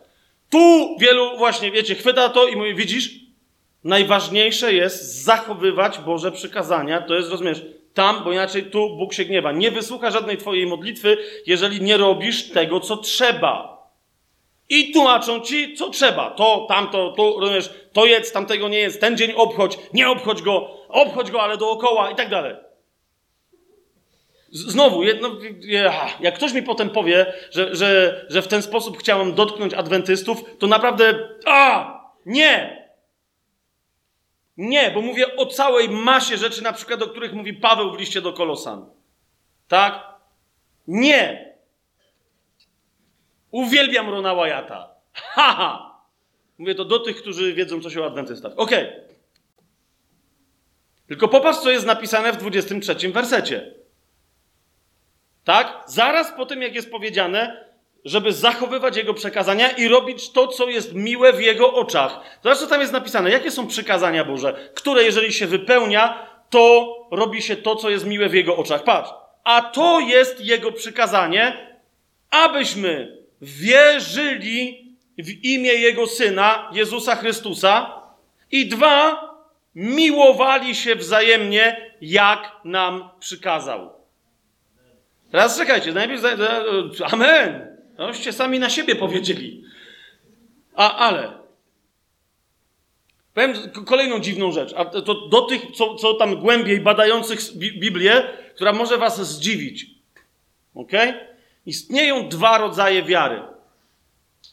I nie będę rozważać teraz tego tematu, tylko ci, którzy wiedzą, jak studiować Biblię dogłębnie, niech sobie to sami sprawdzą, co teraz powiedziałem. Nie będę się bronił. Istnieją dwa rodzaje wiary. Jedna wiara która zbawia, ale która musi się skończyć, ponieważ jest duszewna, i druga wiara, która z tamtej musi wyrosnąć, która jest ścieżką życia tu na tej ziemi, chociaż też się skończy, bo trwają trzy: wiara, nadzieja i miłość. Z nich największa jest miłość i tylko ona zostanie. Tak? Z wyjątkiem wiary Jezusa, ale to jest jeszcze trzecia wiara. Okej, okay, więc wracamy tu. Dlaczego powiedziałem, że wiara, pierwsza wiara, która zbawia, jest duszewna i nie ma niczego wspólnego z duchowością? Rozumiesz? Wiara, ta pierwsza, nie ma niczego wspólnego z duchem. Już ci odpowiadam. I potem sprawdź sobie w Biblii, co teraz powiedziałem. Ponieważ człowiek, który jeszcze nie jest zbawiony, nie ma w sobie funkcjonującego, żywego, nowego ducha obiecanego według nowego przymierza. Ducha nowego tchnę do waszego wnętrza i serce nowe dam wam z ciała. Pamiętacie to? Co może dać temu człowiekowi ducha do jego wnętrza? To, że w sercu swoim, tym starym, uwierzy, że Bóg Jezusa wskrzesił z martwych i na bazie tej wiary wyzna, że Jezus jest Panem. Czy widzicie, o co mi chodzi? To jest duszewna wiara. Ale teraz jak wielu chrześcijan pozostaje na etapie tamtej wiary. W kółko wyznając z duszy i z ciała, jak cudowna jest krew Jezusa, która obmywa mnie z grzechów. W sensie, amen! I śpiewam zawsze takie piosenki, bo się cieszę wobec tego, co się wydarzyło lata temu. Ale jeszcze raz, dziś potrzebna mi jest wiara duchowa, dzięki której będę mógł roznosić krew i ciało Chrystusa tym, którzy potrzebują je jeść, a jeszcze nie mogą. Dzisiaj, rozumiesz, rozpamiętywanie tego w kółko, jak Jezus mnie zbawił, niektórych doprowadza do w kółko potrzeby, żeby Jezus w kółko ich zbawiał, bo wtedy było fajnie. Bo jest fajnie być marnotrawnym synem, który jak wraca, to się cieszy całe niebo. Halleluja! Oczywiście, że tak. Rozumiesz? Ale raz przyjąwszy odpuszczenie grzechów, więcej ono się już nie może wydarzać. Po prostu. I między innymi z tego powodu jest powiedziane w liście do Hebrajczyków, że kto by raz od tego odpadł, a później, później nie może drugi raz tego samego zbawienia doświadczać. Pamiętacie to, tak? Dobra, zo- zostawiamy ten temat.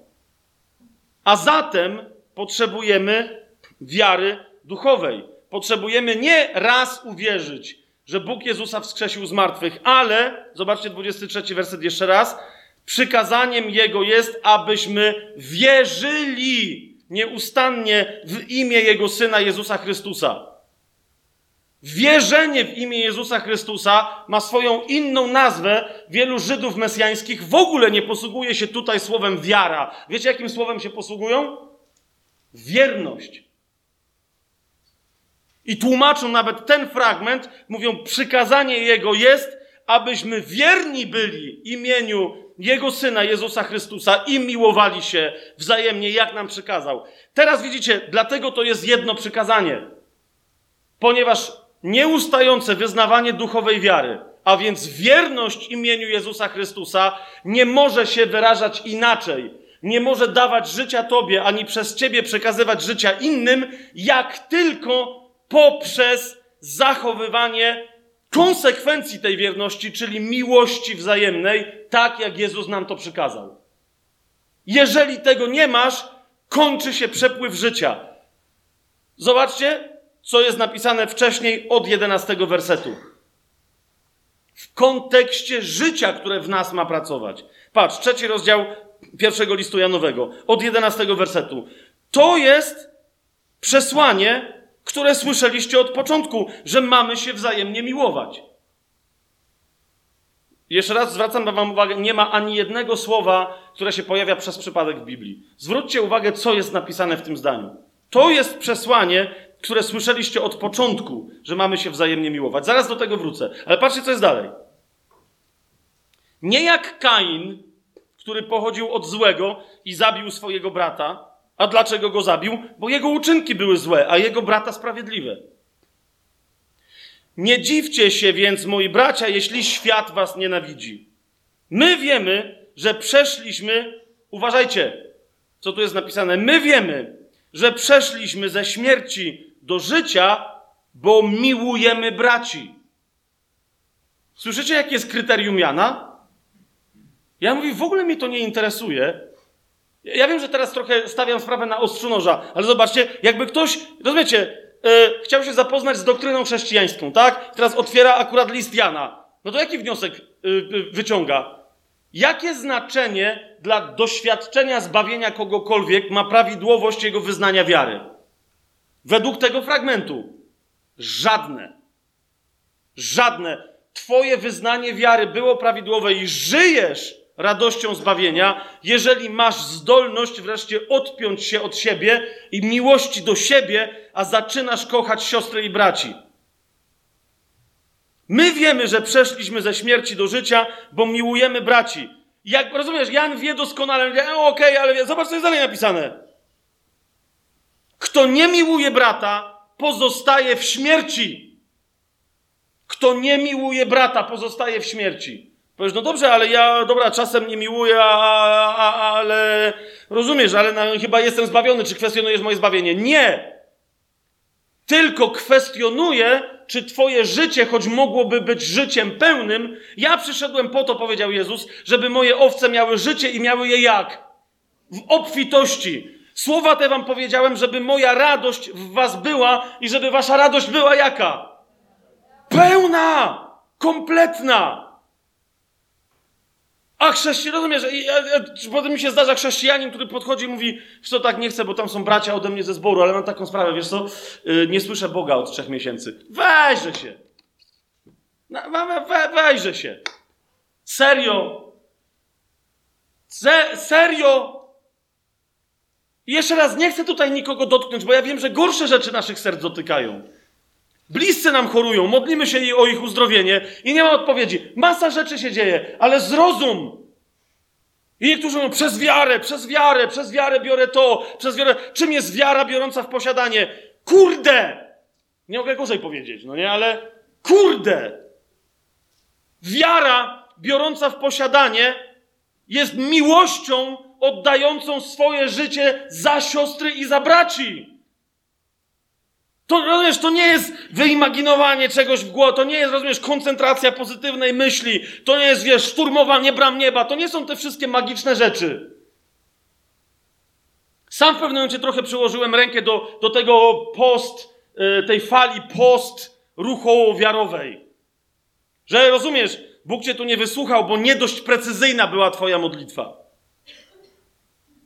A, zaś kogoś dotknąłem? Ale to wy wiecie, że ja sam tak gadałem w pewnym momencie, tak? Nie, niektórzy tutaj.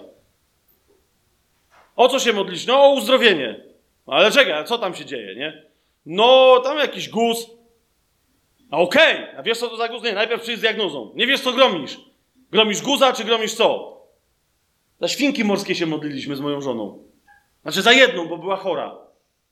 Wiecie, i jeszcze zrobiłem dowód teologiczny, bo gromiliśmy tą, tą, tą chorobę w niebie. Ja myślałem, że jej coś wyrosło, jakiś rak czy coś. Nie szkoda było świni, co ma cierpieć, tak? I nic! Poszliśmy do weterynarza, weterynarka tam zrobiła wyświetlenie, ten i mówi, że nie, kamień ją zatkał. A, czyli to cośmy to... Nieprecyzyjnie się modliliśmy. Rozumiecie, o co chodzi? To jest to! Trzeba było zgromić kamień. Rozumiesz, że taki Bóg siedzi w niebie i takie łamigłówki ci robi. Mówi, tak, ja wysłucham tej modlitwy, tylko, no precyzji troszeczkę, no nie? Precyzyjnie. Jak powiedział Jezus, żeby się modlić? Powiedz do tej góry, rzuć się w morze. Czajesz i niektórzy wtedy mówią, a, rzeczywiście, bo to nie trzeba Boga prosić o coś, bo to już jest załatwione. A, to jest prawda. Rzeczywiście, to może być wyraz niewiary, tak? Mów do tego problemu. Okej? Okay? Kapujesz, mów do problemu, jak najpierw rzucisz tą górę, tak bym powiedział. Czujesz to? Są tacy, którzy zatrzymują.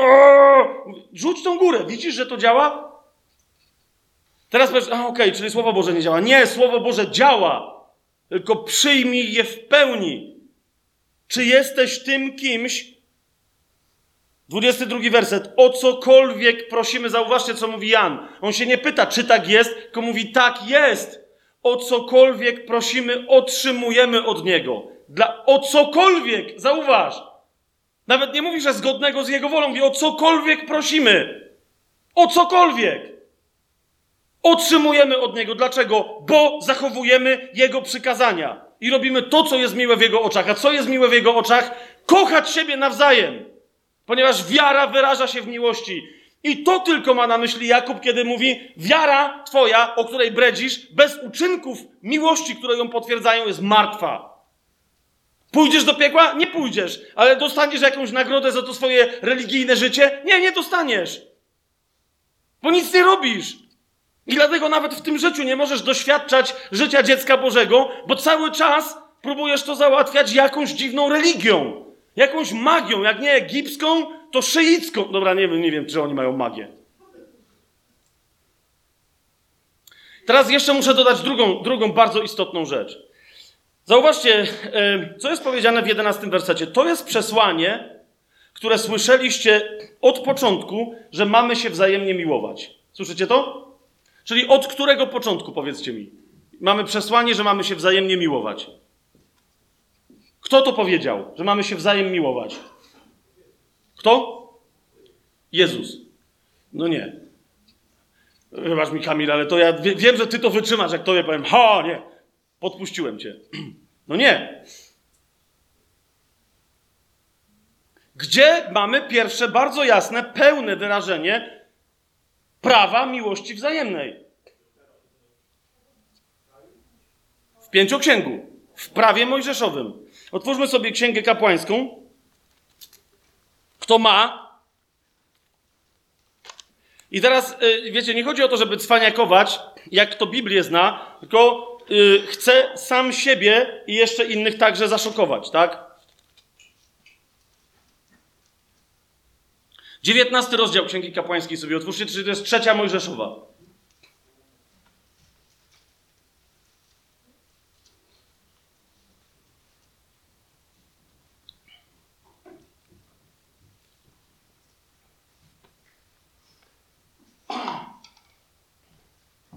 Bo kochani, Kochani, jak tego nie złapiemy, to dalej będziemy się plątać jako chrześcijanie i mówić, że przecież ja Jezusowe prawo wzajemnej miłości wypełniam. Jeszcze raz, żeby złapać, co powiedział Jezus. Co powiedział Jezus? Czy Jezus powiedział: Ja wam daję takie przykazanie, żeby się nawzajem miłować?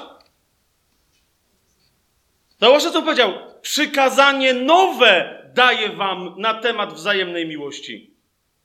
Dlaczego? Jeszcze raz, ponieważ istniało już przykazanie stare. Jeszcze raz, 19 rozdział sobie otwórzcie. 18 werset najpierw przeczytajmy, ale za chwilę wam coś więcej pokażę. 18 werset. Patrzcie, co tam jest napisane. To jest prawo mojżeszowe, o ile wyprzedzające przyjście Jezusa, które mówi: Nie będziesz się mścił i nie będziesz chować urazy do synów swojego ludu, lecz będziesz miłować swojego bliźniego jak samego siebie. Ja jestem Pan. Widzisz to? Dlatego jak przychodzi w Ewangelii Mateusza w 22 rozdziale, to zaraz tu wrócimy do tej kapłańskiej, tak? Ale w 22 rozdziale, jak przychodzi do Jezusa szpec,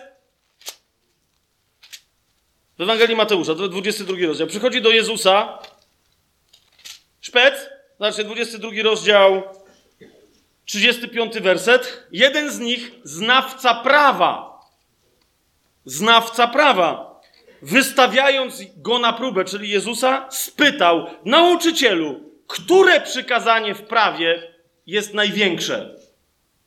Nawiasem mówiąc, dla tych, którzy są wyznawcami dekalogu, jako, wiecie, kręgosłupa wszystkiego, zauważcie, że Jezus nie podał żadnego przykazania z dekalogu. Ok? Podał dwa przykazania, które nie są w dekalogu. I ja znam te wszystkie historie, że pięć pierwszych to są do tego, a pięć. Nie! Te przykazania się znajdują w innym miejscu w prawie, a nie w dekalogu. Po prostu je zacytował. Zobacz, co powiedział. Jezus mu odpowiedział: Będziesz miłował Pana, swojego Boga, całym swoim sercem, całą swoją duszą i całym swoim umysłem. Tak? Między innymi jest to księga Deuteronomium, czyli y, Piąta Mojżeszowa, czyli powtórzonego prawa 6.5. Tak? To nie jest, to nie jest dekalog. Będziesz miłował Boga. To jest pierwsze i naj, największe przykazanie. A drugie jest do niego podobne. Będziesz miłował swojego bliźniego jak samego siebie. Co Jezus cytuje? Jeszcze raz. Wracamy. Księgę kapłańską, trzecią Mojżeszową, dziewiętnasty rozdział, osiemnasty werset.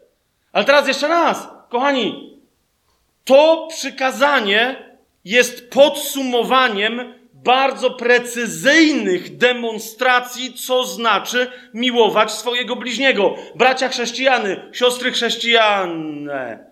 Eee, do nas mówię. Spójrzcie razem ze mną.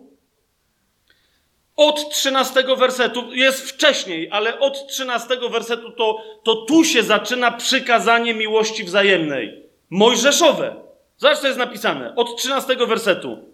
Nie będziesz uciskać swojego bliźniego i nie będziesz go nijak wyzyskiwać. Zapłata najemnika nie zostanie u ciebie nawet do rana. Z bólem wam to mówię. Z bólem wam to mówię, że są chrześcijańscy przedsiębiorcy, którzy dla ratowania czegoś tam nie zachowują mojżeszowego prawa miłości bliźniego i zatrzymują wypłatę nie tylko do następnego rana, ale czasem przez miesiąc, dwa albo trzy. Gdzie jest Twoja wiara w imię Jezusa Chrystusa i miłość wzajemna? Rozumiesz o co mi chodzi? Jeszcze raz, jak ktoś tu się chce, po prostu mówię ci nie po to, że o ty dziadu chamski, tylko mówię, rozumiesz, to jest wyraz Twojej obecnej wiary. Dalej idziemy. Patrz, czternasty werset. Nie będziesz złorzeczyć głuchemu, a przed ślepym nie będziesz stawiał przeszkody, ale będziesz się bał swojego Boga. Ja jestem Pan. Czy, jeżeli, siostro i bracie, masz swoją, absolutnie, rozumiesz, niecierpiącą zwłoki do wyrażenia opinię na temat innego brata i siostry, czy nie poucza cię Słowo Boże, że masz pójść do Niego i powiedzieć Mu, co masz przeciwko Niemu w cztery oczy? Czy nie poucza cię? Czy nie mówi ci, że jak cię nie posłucha, masz przyjść ze świadkiem albo z dwoma, a potem stawić go przed kościół, a potem masz mu dać spokój, to znaczy niech ci będzie jak faryzeusz i celnik? Czy nie poucza cię? Ale jeżeli pierwszą osobą, do której musisz pójść, jest inny brat albo siostra, który ma chętne ucho do słuchania, i jemu mówisz na temat tego, co uważasz za grzech u swojego brata, to jest właśnie moment, w którym złorzeczysz głuchemu. To znaczy, mówisz złe rzeczy, rzeczysz rzeczy złe na jego temat, kiedy on cię co? Nie słyszy. Rozumiesz? To ty, to, to, to, ty nie wtedy nie łamiesz nowego przykazania Pana Jezusa. Się nawet do Mojżesza nie stosujesz. O to mi idzie. Na Facebooku, na YouTubie, gdzieś tam. Rozumiecie, raz, drugi czy trzeci sprawdziłem w bezpośredniej rozmowie. Ktoś do mnie podchodzi, ty, sorry, to pamiętasz tam ten komentarz, ty, ciulu, coś tam. No pamiętam, no to ja właśnie, no nie? Nie powiem wam, jaką funkcję pełni w jakim zborze, tak? Serio? No rozumiesz, bo wtedy po prostu, co, co w tym momencie robisz? Przed ślepym stawiasz przeszkodę. Bo ja nawet nie wiem, że ty coś takiego robisz tam gdzieś, tak? A teraz rozumiesz, puściłeś taki komentarz, ktoś słaby w wierze powiedział, a nie, okej, okay, bo jak tutaj widzę z imienia, z nazwiska podpisanego mojego kogoś tam, to nie, jak on mówi, że to jest ciul, to nie będę ciula słuchał. Rozumiesz? Teraz nie chodzi mi o to, że mi postawiłeś przeszkodę pod nogi, ale tamtemu, tym komentarzem. I potem ty przychodzisz i mnie rozumiesz, po, przepraszasz. Co? Nie przepraszasz? Znajdź tego, komu podłożyłeś kłodę teraz. Ducha Świętego proś. Bo prawa mojżeszowego nie przestrzegasz, jeszcze jest daleko do Jezusa. Patrzcie dalej. Nie będziesz postępował niesłusznie w sądzie, w Twojej wspólnocie, w kościele domowym, w zborze, nie wiem gdzie jesteście, nie będziesz postępował niesłusznie w sądzie. Nie be, co to znaczy? Nie będziesz mieć względu, względu na osobę ubogiego, ani nie będziesz wyróżniać osoby bogatego. Rozumiesz, są tacy, którzy wyróżniają bogatych, są tacy, którzy wyróżniają biednych i mówią, że ci są lepsi od tamtych. Słyszycie, co mówię? A prawo mojżeszowe mówi, nie, miłujesz bliźniego, to znaczy traktujesz każdego sprawiedliwie takiego, jakim jest, bez oglądania się na jego majątek lub bez oglądania się na jego biedę, bo ani jedno, ani drugie nie zmienia go jako człowieka. A co my robimy po zborach? Jeszcze raz, nie chodzi mi o to, że jest nie wiadomo ile zborów, które hołubią bogatych, albo tych, co dają więcej na dziesięcinę, albo i tak dalej. Nie! Nie mówię, że ich jest niezwykle wiele. Jest wiele takich zborów, które naprawdę hołubią biednych. I wcale nie chodzi mi o kościoły uliczne teraz, żeby było, panowie, tak? Chociaż wiecie też, o czym mówię, nie? Wie, wie, wie, wiecie, wiecie, o co mi chodzi. Zobacz, piętnasty werset. Nie będziesz żadnej, żadnego względu, sprawiedliwie będziesz sądził swojego bliźniego. Jest jeden z elementów, rozumiesz, miłości. Ktoś coś gada, ty już wiesz, co on miał na myśli. Ogarnij się. Sprawiedliwie będziesz sądzić swojego bliźniego. 16. Nie będziesz szerzyć oszczerstw pośród swojego ludu. Nie będziesz nastawać na krew swojego bliźniego. Ja jestem Pan, nie będziesz szerzyć oszczerstw. Nawet nie komentuję. Albo skomentuję. Rozumiecie? Istnieje, skomentuję to. Aj, bardzo dobrze, już mi tam gorzej nie dowalą. Rozumiecie? Są chrześcijanie, którzy, których głównym wyznaniem wiary jest komu nie wierzą. I najważniejszymi źródłami, jakie czytają, nie jest Biblia, ale tak zwani poszukiwacze herezji. Tak? Fora, strony internetowe, to okej. Okay. Jak wejdziesz tam, wiesz, którzy są zwiedzeni i w jaki sposób i jak bardzo należy ich unikać. Ale jakby tam wszedł ktoś niewierzący, to dalej nie wie, w co ma wierzyć. W sensie, ale co, czyli temu nie wierzyć, temu... Wszystkim, tak? Z wyjątkiem kogo? No pewnie tego, co tą stronę napisał, bo on wie wszystko. A on w co wierzy? No nie wiesz. Bo już jednemu czy drugiemu to pokazałem wprost. Mówię, stary, już mniejsza to, dowal mi, niech będzie, tak? Tylko kapujesz, mi dowalasz za to, co później dowaliłeś drugiemu, że on tego nie wyznaje, za co mi dowaliłeś. To w końcu kto jest zwiedziony? Wszyscy. Ty tego nie rozumiesz. On ma objawienie, rozumiesz?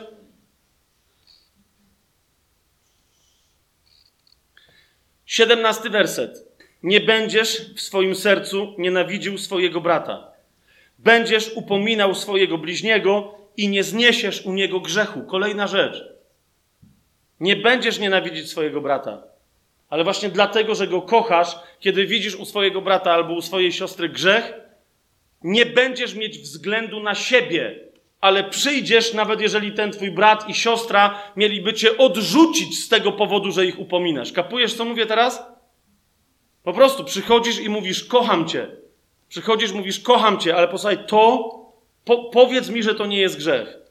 No jest. To przestań. A, bo się trzepiasz, bo co- rozumiesz, nie, wiem. upomnisz drugi raz, upomnisz trzeci, to zanim ty zdążysz tego kogoś jakkolwiek potraktować, już dla niego jesteś jak faryzeusz i celnik. I jeszcze poleci gdzieś tam, znasz, prawo mojżeszowe mówi. Po prostu zrób, to jest prawo mojżeszowe. Osiemnasty werset. Nie będziesz się mścił. Nawet nie komentuję. Nie będziesz się mścił. Nie będziesz chować urazy do synów swojego ludu. I teraz naprawdę mówię tu do prawie wszystkich, którzy są na, na, na tym miejscu zgromadzeni. To nie jest nowe przykazanie miłości Jezusa. To jest stare przykazanie miłości bliźniego Mojżesza. Nie będziesz żywić urazy. Nie będziesz. Mam tu świadectwo na tej sali paru osób, które mógłbym tu wywołać, nie ma czasu ani sensu, tak? Które zostały potwornie zranione w swoim kościele, przez najbliższych, przez swoich przełożonych nawet czasami. I wiem, że nadal ich kochają, bo nie żywią urazy w sobie. Ale rozumiesz, to jest jedna z najgorszych zaraz, jakie mamy w kościele, to jest żywienie uraz do siebie nawzajem. Pod jakimś tam zracjonalizowanym usprawiedliwieniem. Nic nie usprawiedliwienia żywienia urazy w sobie. Nie będziesz się mścić i nie będziesz chować urazy do synów swojego ludu, ale będziesz miłował swojego bliźniego jak samego siebie. Widzicie, co się tutaj dzieje? To jest stare przykazanie. To jest jak najstarsze przykazanie miłości bliźniego.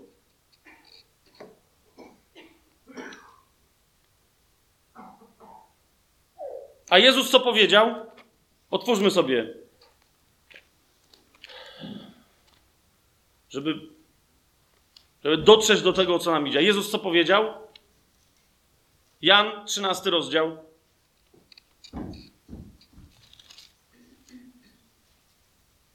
Trzydziesty czwarty werset. Trzydziesty piąty werset.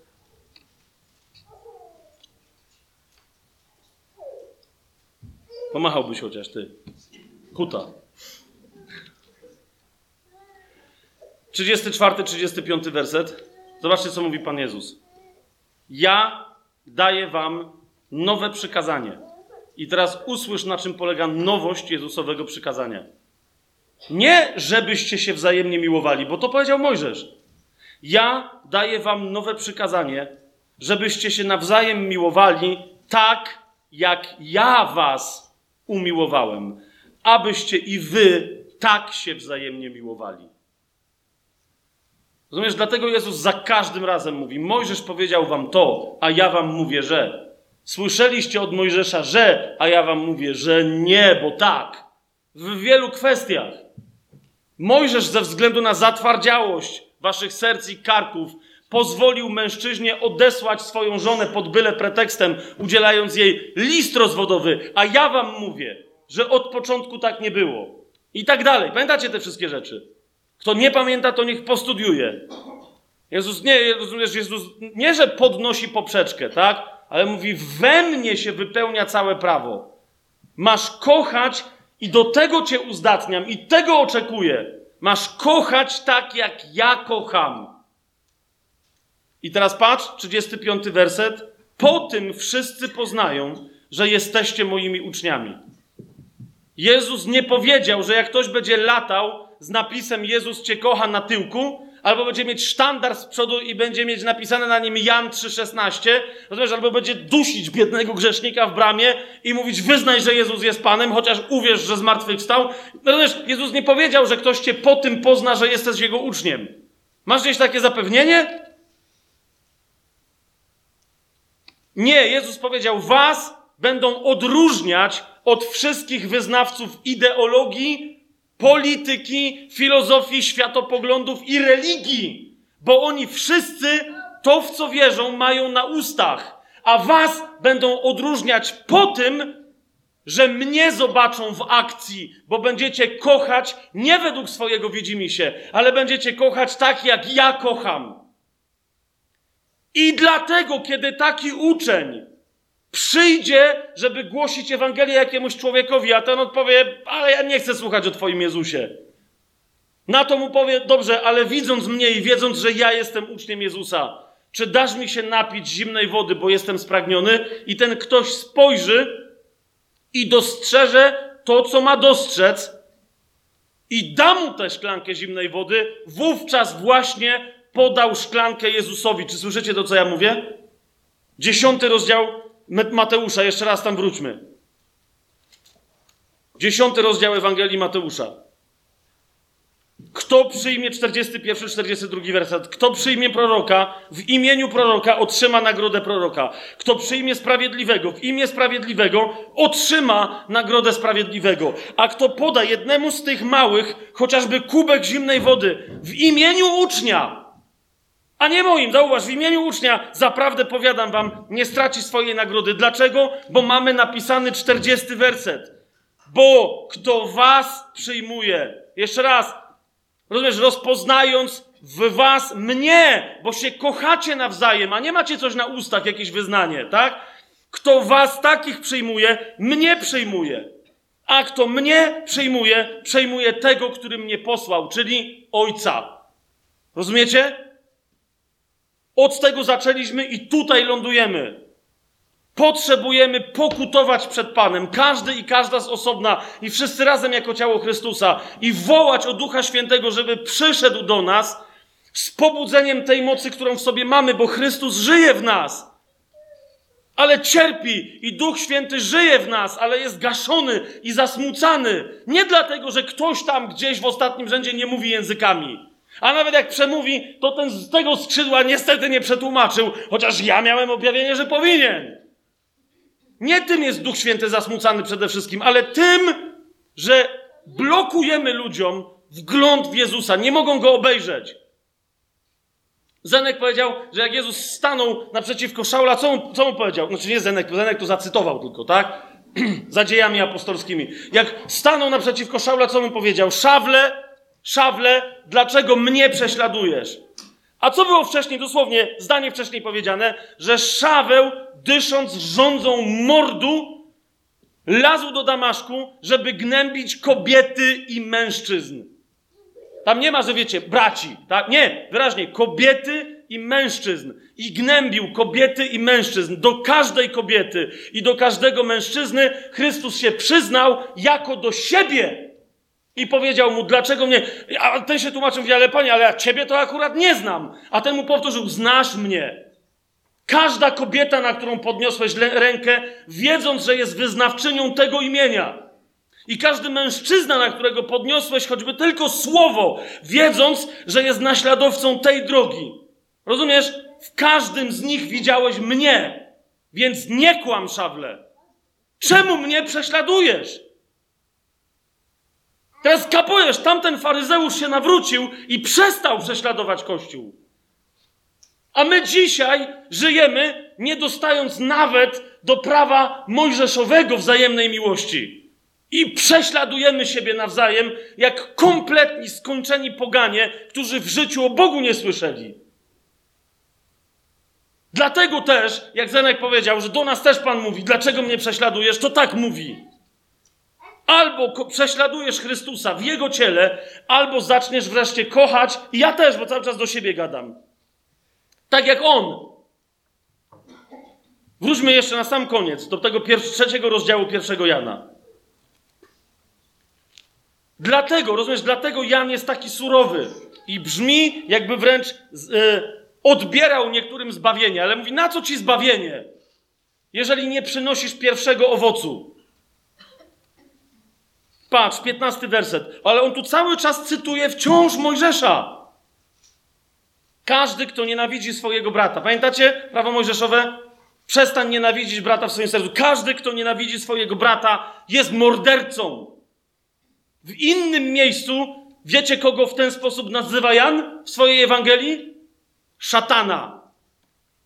On jest, mówi, kłamcą i mordercą od początku. A tutaj powiada, każdy, kto nienawidzi swojego brata, jest mordercą. A wiecie, że żaden morderca nie ma życia wiecznego zostającego w sobie. Po tym możesz rozpoznać z całą pewnością, nie po jakości wyznania wiary, ale po tym, jeżeli spotykasz chrześcijanina, w którym dostrzegasz, że on nienawidzi kogokolwiek, kogokolwiek, to wiesz, że ten człowiek jeszcze nie dostąpił zbawienia. Dlaczego? Trzeci rozdział, szósty werset. Każdy, kto w nim trwa, nie grzeszy. Każdy, kto grzeszy, ani go nie widział, ani nie poznał. I nie chodzi tutaj o taki czy inny upadek czy poślizgnięcie, ale o przechył w stronę grzechu. Kiedy doświadczasz zbawienia, trudniej ci jest grzeszyć niż nie grzeszyć. Rozumiesz? Trudniej ci jest. I trzeba się zmuszać do grzechu niż do tego, żeby miłować. A jednak, jak wielu, idąc za ciałem i słuchając kazania swojego ciała, idzie za tymi kazaniami i zmusza się do grzechu w imię jakiejś ideologii, często nawet chrześcijańskiej, zamiast wypełnić to jedno przykazanie, o które de facto cały czas chodzi. Mianowicie, żeby kochać tak, jak Jezus ukochał. A jak on ukochał? Przeskakujemy do 16 wersetu tego trzeciego rozdziału pierwszego Janowego. Po tym poznaliśmy miłość Boga. Cytowałem wam to z Rzymian z piątego rozdziału. Po tym poznaliśmy miłość Boga, że On oddał za nas swoje życie. Po tym poznaliśmy miłość, że On oddał za nas swoje życie. Jaki jest następny krok kogoś, kto mówi hura? Patrz. Dlatego też i my winniśmy oddawać życie za braci i siostry. Po prostu. Pamiętacie Tomasa Bilneya, o którym mówiłem? Zaraz mają go spalić, w sensie modli, jeszcze przychodzi jakiś łosoś i mu tłumaczy, przerywa mu modlitwę i mu tłumaczy, weź, że nie, nie rób takich pobożnych rzeczy, bo nam nie dadzą jałmużny. Rozumiesz, dlaczego ja mam całkowitą pewność, że tam stał zbawiony człowiek? Ponieważ nawet swojej pobożności w tym momencie, prawa do tej pobożności, słusznego prawa, przyznacie, zrezygnował, wyrzekł się tego prawa. Ze względu na co? Na umiłowanie swoich braci. Rozumiesz, nawet się nie zastanowił, tylko przestał się modlić i mówi: Kochani, kochani, to nie jest wina tych ludzi, nie odbierajcie im waszej jałmużny, dajcie im jałmużnę. I umarł. Dokładnie za tych gości, którym tylko i wyłącznie o te datki chodziło. Stąd wiem. Nie, no rozumiecie, ktoś mi tam kiedyś powiedział, że ty, ale ten Billy to nie wiadomo, kiedy on wiarę wyznał. No masz! Weź ty raz w życiu, tak zrób coś takiego. I miej potem jeszcze wątpliwość. Łososiu tęczowy. Siedemnasty werset. Bo niektórzy od razu mówią, no ale wiesz, okazja do umierania za braci. Prosty przykład. Kto miałby majętność tego świata i widziałby swojego brata w potrzebie, a zamknąłby przed nim swoje serce, jakże może mieszkać w nim miłość Boga? Rozumiesz? To jest prosta rzecz. Bóg mnie nie słucha, nie? Zagubiłem gdzieś doświadczenie miłości Bożej. Przestań! Jeszcze raz mówię. Gdzie zagubiłeś doświadczenie miłości Bożej? Rozumiesz? Może po prostu w kluczowym momencie, co się wydarzyło? Zamknęłaś albo zamknąłeś swoje serce wobec ewidentnej potrzeby, w ramach której nie trzeba było wcale oddawać całej pensji, ani nawet dziesiątej części tej pensji. Może trzeba było się bratu po prostu dać przespać u ciebie. Rozumiesz? Przytulić go, wysłuchać go przez 20 minut.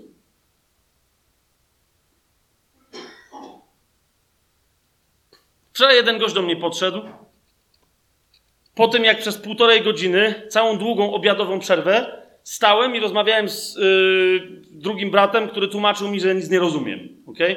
Przez półtorej godziny rozmawialiśmy. Dobra, ja próbowałem wytłumaczyć, że coś jednak rozumiem, ale on jednak uważał, że jednak tego, co on mi tłumaczy, nie rozumiem i nie wiedziałem o rzeczywiście o co mu chodzi. Więc była to prawda, nie rozumiałem. Półtorej godziny tak było, tak? Ale dookoła zebrało się tam jedna, druga osoba, ktoś tam podchodził i zaczął tam coś, wiecie, rzucać się tak jakby za plecami naszymi, jego i moimi. Jedna osoba przeciwko mnie, inna przeciwko niemu. Jakieś to było takie, takie dziwne, tak? Ale jednak dużo osób, jak wiecie, tu zaproszony gość, a tutaj ten, wiecie, tam parę osób chciało pogadać, a ten mi zajmuje czas jakimiś głupotami, nikt nie wie o co mu chodzi. I nagle zanim tam, wiesz, jeden, drugi, trzeci się podniósł i w momencie dałem znak tym ludziom, że tak? to potem jeszcze, w tym y, moja żona, także w domu dostanę, okej. Ale moja żona też przyszła i mówi, ej, y, coś musisz zjeść, bo jeszcze przed nami są dwie sesje i teraz wiesz, tu pizza, coś, niech już pan przestanie, tak? A ja żonie mówię, "I- zjem kiedy indziej, zostawże go, tak? Potem sobie zastanowiłem, masz, tego myślałby kto, że kocham, a teraz żony nie kocham. Wiecie, to jest czasem takie skomplikowane, żeby to rozeznać, tak? Ale później podszedł do mnie ktoś tam i mówi, ty słuchaj, wie co to był za taki jakiś popis? Mówi, że myślałby kto, że ty tak tego y, gościa kochasz, który mówi, bredził jakieś głupoty, że tu wszystkich żeś poodpychał. No i masz. Się zastanawiałem, czy, czy żony źle nie potraktowałem. Jeszcze innych braci i sióstr, mi jakieś tam jedzenie przynosili. Na końcu jeszcze przyszedł diabeł i mówi, a wiesz, popisywałeś się. Półtorej godziny stałeś z gościem, myślałby ktoś jest taki cierpliwy do takich debili. To ja tak nie pomyślałem, ale naprawdę taka, taka myśl zaczęła mnie atakować. Co, co, ty, co ty w ogóle tworzysz? Jeszcze raz, czy kochanie jest łatwe? Nie, jest trudne chociażby na tym poziomie, kiedy musisz zacząć podejmować decyzje, dokonywać wyborów. Ale rozumiesz, stokroć potężny, milionkroć potężniejszy plon zacznie ci to przynosić duchowy, emocjonalny, intelektualny, fizyczny, cielesny, materialny w twoim życiu. Rozumiesz, kiedy się poświęcisz takim dylematom, to kogo tu ukochałem, a kogo przy tej okazji dziobnąłem, niż kiedy się będziesz poświęcać jakimkolwiek innym dylematom. Osiemnasty werset. I, I kończymy na tym. Moje dzieci, nie miłujmy więc słowem ani językiem, słowem ani językiem, ale uczynkiem i prawdą. I teraz zauważ, wtedy wobec takiego nauczania, mówi Jan, po tym poznamy, że jesteśmy z prawdy i uspokoimy wreszcie przed nim nasze serca. I nawet jeżeli nasze serca mogłyby nas jeszcze z jakiegoś powodu potępiać, to Bóg jest większy niż nasze serca i wie wszystko, i dlatego możemy zachować spokój.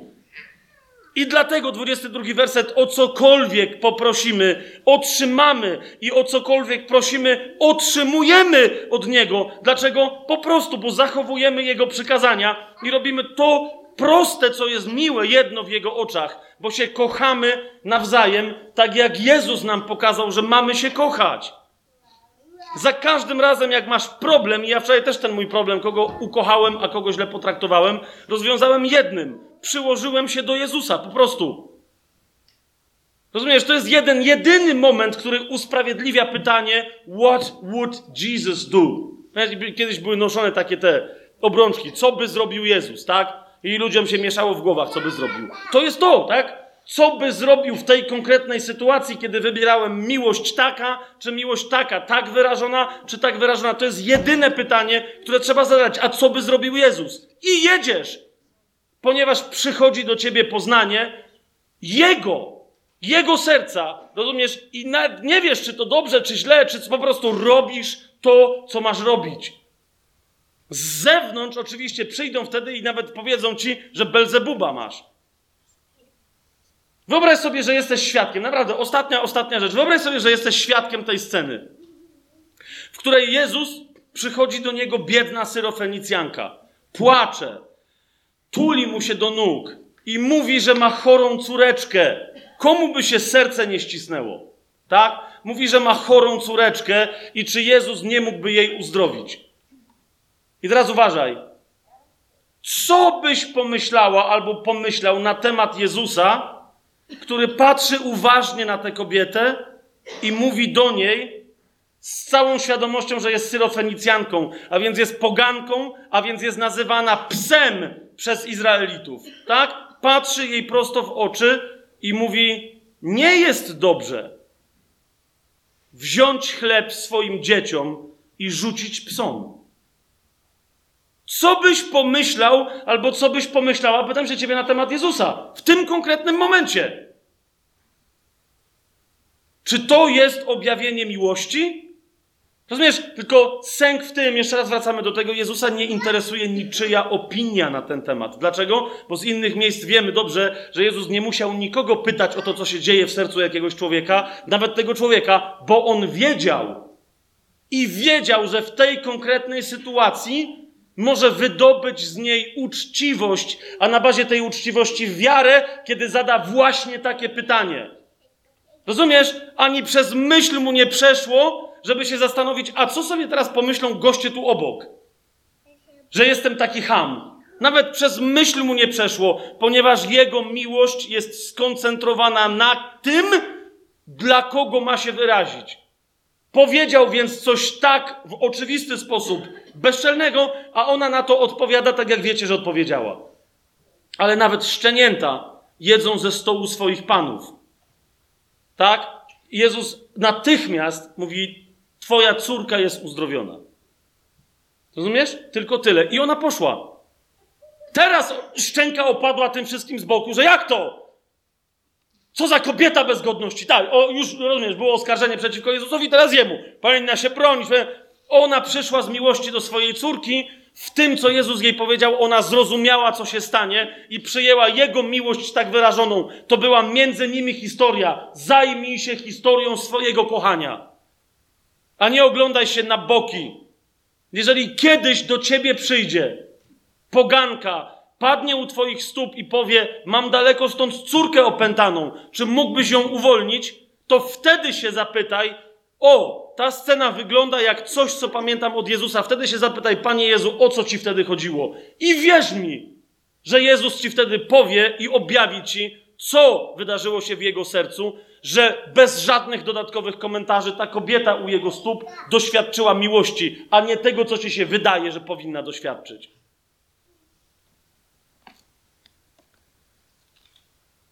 Kochani, nie, nie, nie wiem, nie, nie kochani, kochany i kochana. Nie wiem, na jakim etapie teraz swojej wiary się znajdujesz, albo niewiary, na jakim etapie kochania innych teraz się znajdujesz, albo niekochania innych się znajdujesz. Możesz być na dowolnym. Wiem, że dzisiaj Bóg jeszcze wciąż tutaj, na tym miejscu, może udzielać dobrych darów, bo, bo jak mówi Psalm 68, chociażby codziennie obsypuje nas wszystkimi możliwymi dobrami.